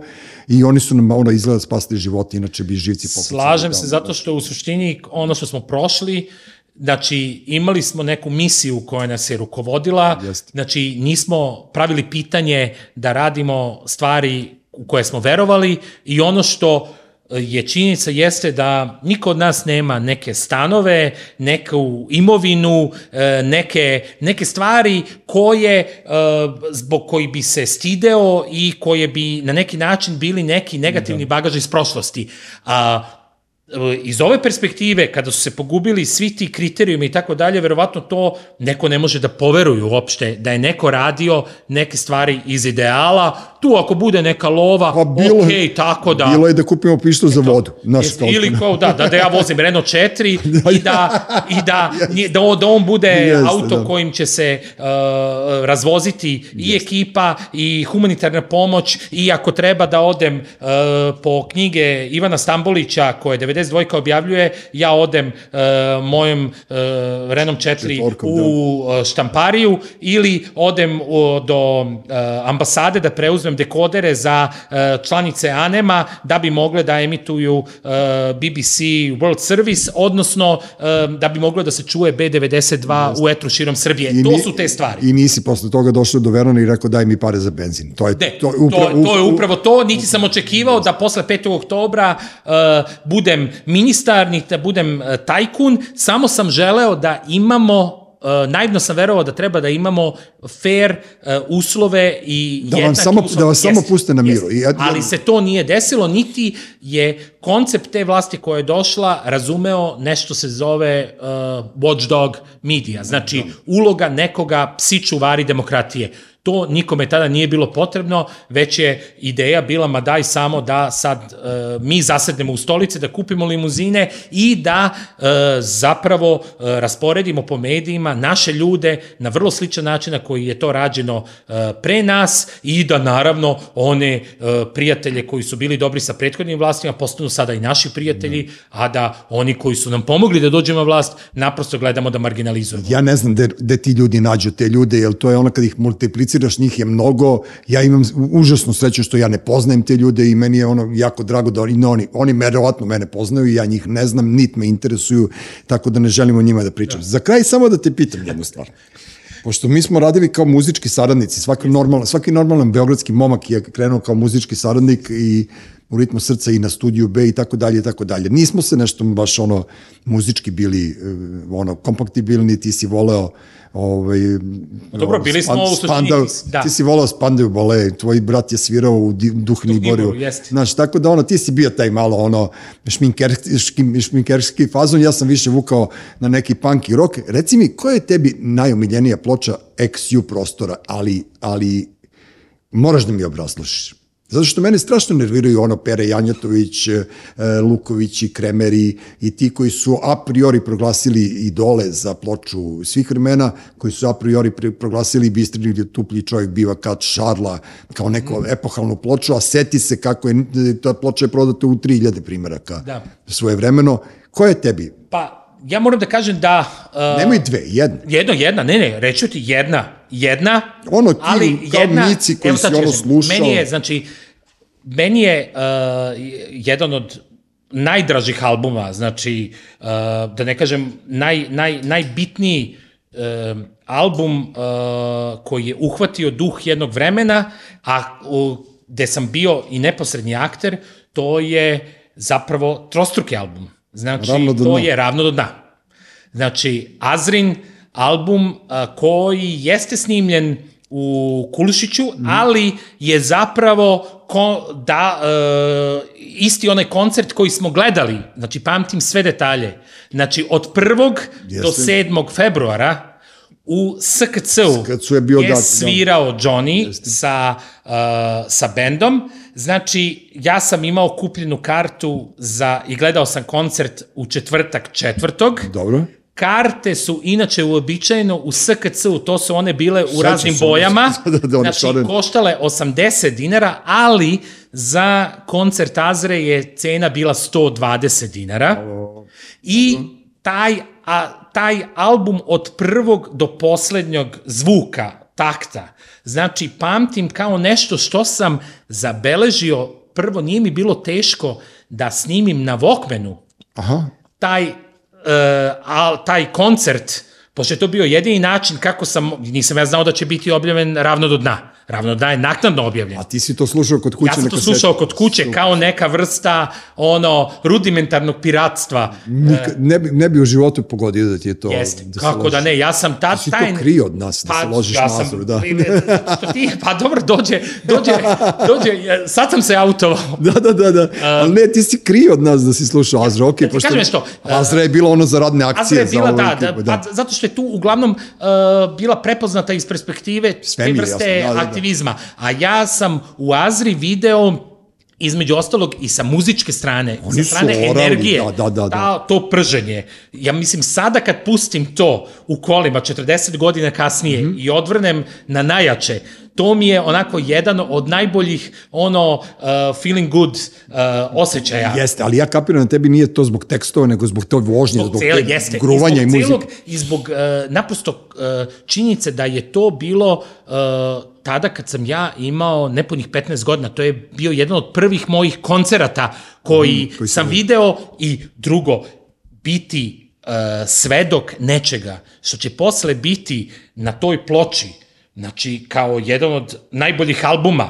a XU, znači da se manemo ovih albuma koje si već Koji su, pomenuo, da, da, znači da, to je da. već izlizana priča, uopšte ne, ne ulazim sada i ne sporim, ali uh, meni je uh, taj album Ravno do dna, znači nešto što je znači sadržalo u sebi i prvi album i Prvi uh, album je fenomenalan. prvi da. album i filigrane, znači Da, da, da, kao da. takve i on je došao kao neki onako, kao, gledali smo u Johnny-a tada kao, Ču- Čudan lik je bio Johnny. pa ne, kako da ne, mislim, to je bilo, kako, kako da kažem, Marilyn Manson, ono jer fazom. da. sedam dana puniti tada SKC, to su stvarno pre, sada kažeš pre četiri decenije. Jeste. To je jedino mogla Lepa Brena sa onih 30-50 koncerata u Domu sindikata. Tomu sindikata, a ovo je bilo tada i Da. tada i nikada više. Jeste. Znači, a da ne pričam sada, bilo je tu i drugi divni koncert, niko neće zaboraviti, Prljavo kazalište i Patrola u Pinkiju, jedan od najlegendarnijih koncerata.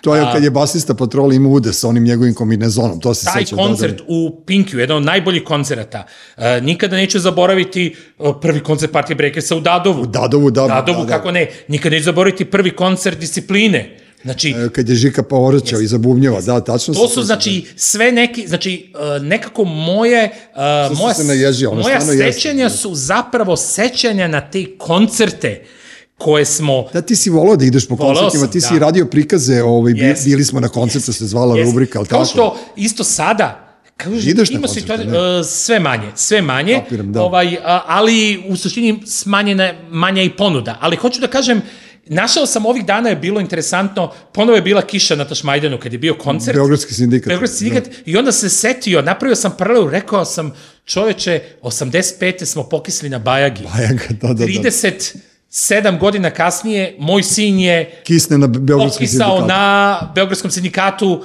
sa, sa drugom je bio na koncertu. I to mu je bio prvi koncert veliki koji je, kome je pristao u sedmom razredu. I kažem, postoje neke ciklične stvari u životu koje se okreću i ne ulazići u to da li voliš, ne voliš Beogradski sindikat i tako dalje, svako vreme nosi svoje, Naprosto, ali da. pokisnuti na Tašmajdanu i, I biti u dobrom raspoloženju i siguran sam da će se on sećati tog koncerta Kao što se kao što smo se mi sećali tog Bajgenog koncerta koji sam po sebi sigurno nije bio što se tiče sadržaja nešto posebno kao što je bila ta atmosfera i činjenica da si Ne, ti to- bio spreman da pokisneš I da on da pogine da pogineš. tamo na stage-u e, zato što su se ovlažili kablovi. Jeste. E to je znači 37 godina naših života, a uvod u to je bio taj Johnny, da ne pričamo o nekim koncertima kao što je, na primjer, uvek se setim kada Gile kaže, rešili smo da napravimo orgazam, kad smo bili na koncertu uh, Leba i Soli u Domu sindikata. Jeste, ja sam bio na tom koncertu. Ja sam bio na tom Leba i- koncertu. Bili Jeste. smo Žika, Darko Jeste. Milojković, koji je Jeste. posle svirao u radničkoj Jeste. kontroli e,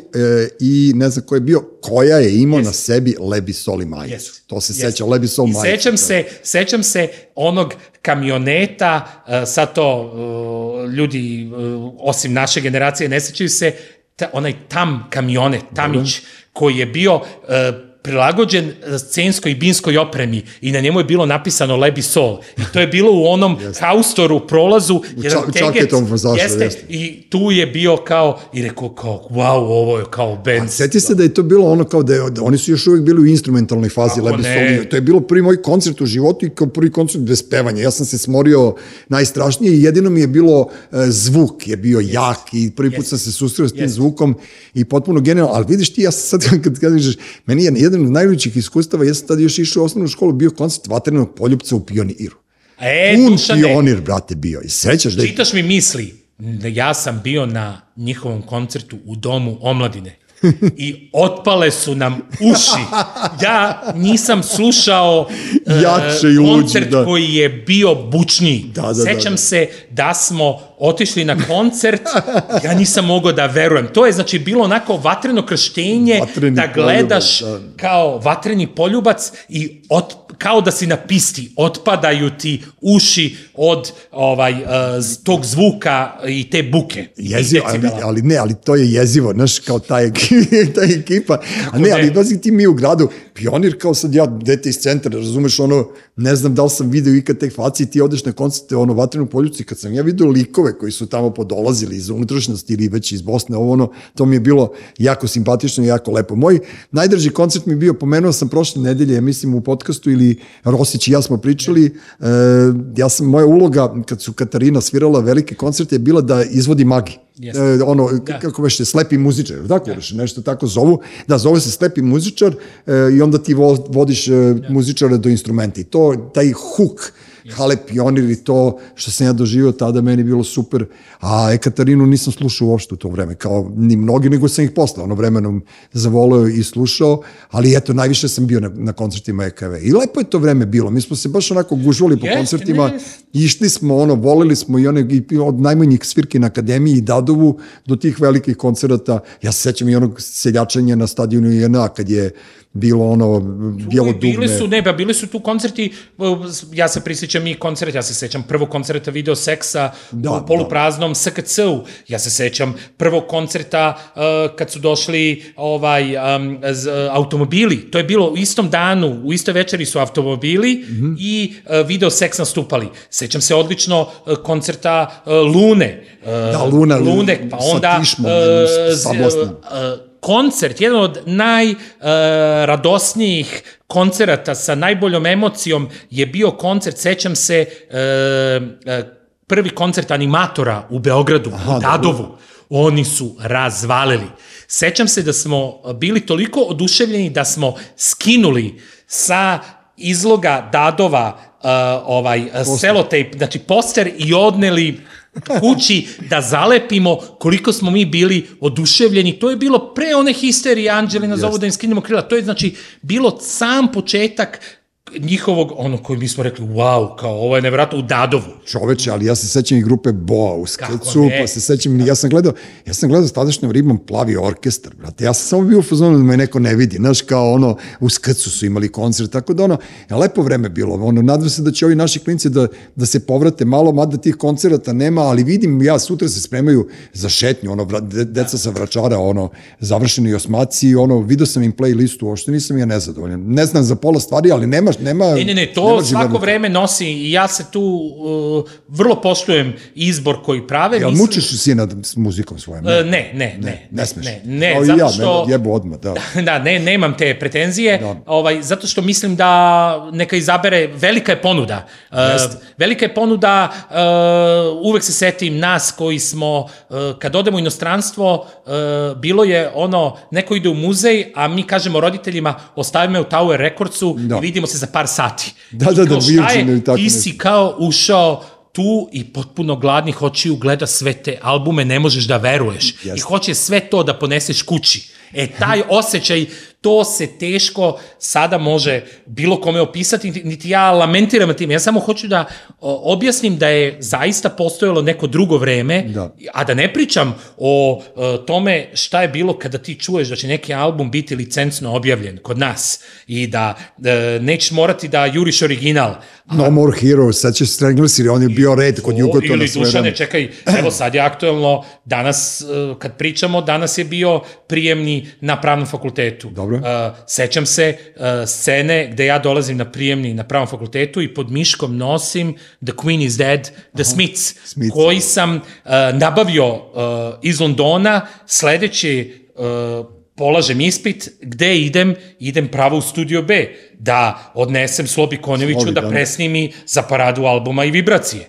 Znači, to je tako funkcionisalo. Znači, niz ploča e, koje su zaista antologijske, e, koje, su, koje smo nabavljali e, ko zna kakvim kanalima, glavna misija me je bila, meni nije bilo teško da kad čujem na akademiji neku pesmu, da sutradan zovem Srđana, da se nađemo, da mi da taj single ili album, mm -hmm. da odnesem u studio B, ne zato da bi e, mi imali, nego da bi mogla da čuje svi živi. E, svi živi. Drugim rečima, Dušane, vraćam se ponovo, javni interes. Jeste. Zašto bi ja jurio nekog u nedelju ujutru Uh, da nađem ploču ili išao na Banovo brdo kad čujem da neko ima novi, neki singl i novi album. Zato što sam smatrao da je to dobro za sve. Naravno. I bilo bi mnogo bolje kada bi bilo da kada bi ta kultura javnog interesa bila neka preovlađujuća kultura al, ovde. Ali to je nama bilo ugrađeno u, Jest. u memorijskom DNK, čipu. u DNK. Ti si bio u vojsci kad sam ja pokrenuo demo listu Jest. Ritma srca Jest. i onda kad si se vratio iz vojske ja sam jedva dočekao da ti to prepustim, pošto je onaj moj ormarić, seti se kad Jest. si rekao, ne znam, žalio si se Jelici i Gorici na mene da sam neuredan, a ja sam e, radio tad onu ploču, ne sećam se, izgubio sam nekim ljudima, Ben Roberts, to mi je najžalije taj Ben, sećam on dečko prodo skije, jebote da snime demo snimak i ja mu izgubim traku, jurio me godinama, mesecima, ja sam se krio, ali nema veze, onda si došao ti i stvarno si uredio to i seti se koliko smo se radili kada Sloba uzme neku pesmu sa Ne, demo liste naravno. i pusti je na diskomeru. To je bilo ono, znaš, kao potpuno ludilo. Ja se sećam da sam ja imao ključ od njegove kancelarije, stalno mi je govorio samo Miki, nemoj Ramonse i davao mi je taj ključ, tako da ono, sve smo to lepo proživeli, a to što kažeš javni interes, ja sam doneo Bonzo Goes to Bitburg, e, velik, maxi single i This is England Clash, prvi put u životu kad sam ušao u studio B, uveo me Peđa Bajčetić, Baj, Bajčetić i Vojan Nedeljković i ja sam otišao kod Sloba i dao sam mu to i on je rekao hvala. Zoran Marjanović koji je Slobu snabdevao pločama je posle bio moj kolega Stuart u Jatu, fly direktor, mislim svi ljudi su se na kraju povezali i svi putevi su vodili da te ploče odnesemo Slobi. Jeste, i da to bi- čuju svi. Da, da čuju svi. Čuju svi i to je taj ukus koji je formirao Studio B, koji je formirao Sloba Konjović, Jeste. koji i meni se čini da je to negde malo um, um, marginalizovano, kako kažemo, o tome se malo priča, a zapravo je to strašno veliki uticaj imalo na Čoveče- formiranje svih nas. Formiralo je ovaj grad Jest, da što je jest. rezultiralo jednim vremenom da smo bili mapirani na, na, na, na karti sveta kao jedno značajno mesto. Ne samo klub akademije, nego sve to što se dešavalo tu i taj studio B i ta muzika i vibracija i parada albuma i da ne pričam šta, svi smo mi učestvovali u tom projektu koji je Sloba fantastično ovaj, na neki način usmeravao i sve to nas na kraju krajeva napravilo nas na ovakve ljude kakvi smo, da budemo ono časni, ponosni kak, i šta god da radimo da stojimo iza svojih ono, makar pravili sranje, ali ćemo, e, naš, ja, sam, e, ja sam od naše generacije naučio najlepšu stvar a to da uvek umemo da se izvinem. I ovaj, ja hoću ovog puta da ti se izvinim ako sam nešto srao tebi i kada u životu znaj da nije bilo lično, nego sam si me nervirao zato što si ispravan i zato što ovaj, prosto prosto nekad bih volao da budem ti, ali ne mogu to. Hvala to, ti. Ne, to, to, Hvala se tako, ti. to se tako rađa, razumeš? Hvala tako da ono, ti.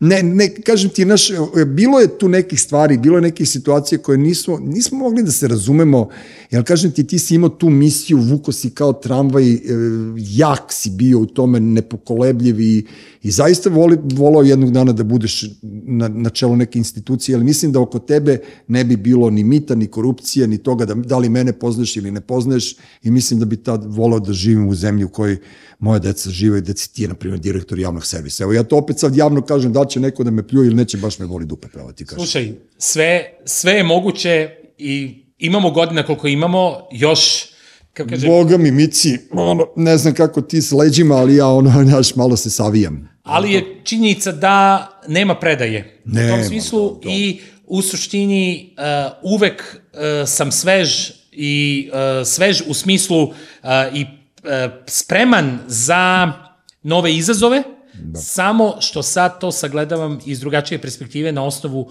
ovog iskustva koje imam mm -hmm. i činjenice da je, ponavljam, izuzetno značajno napraviti taj ceo krug. Jer ga onda razumeš, a kad napraviš taj krug tih 360 stepeni, onda u suštini ne postoje nepoznanici.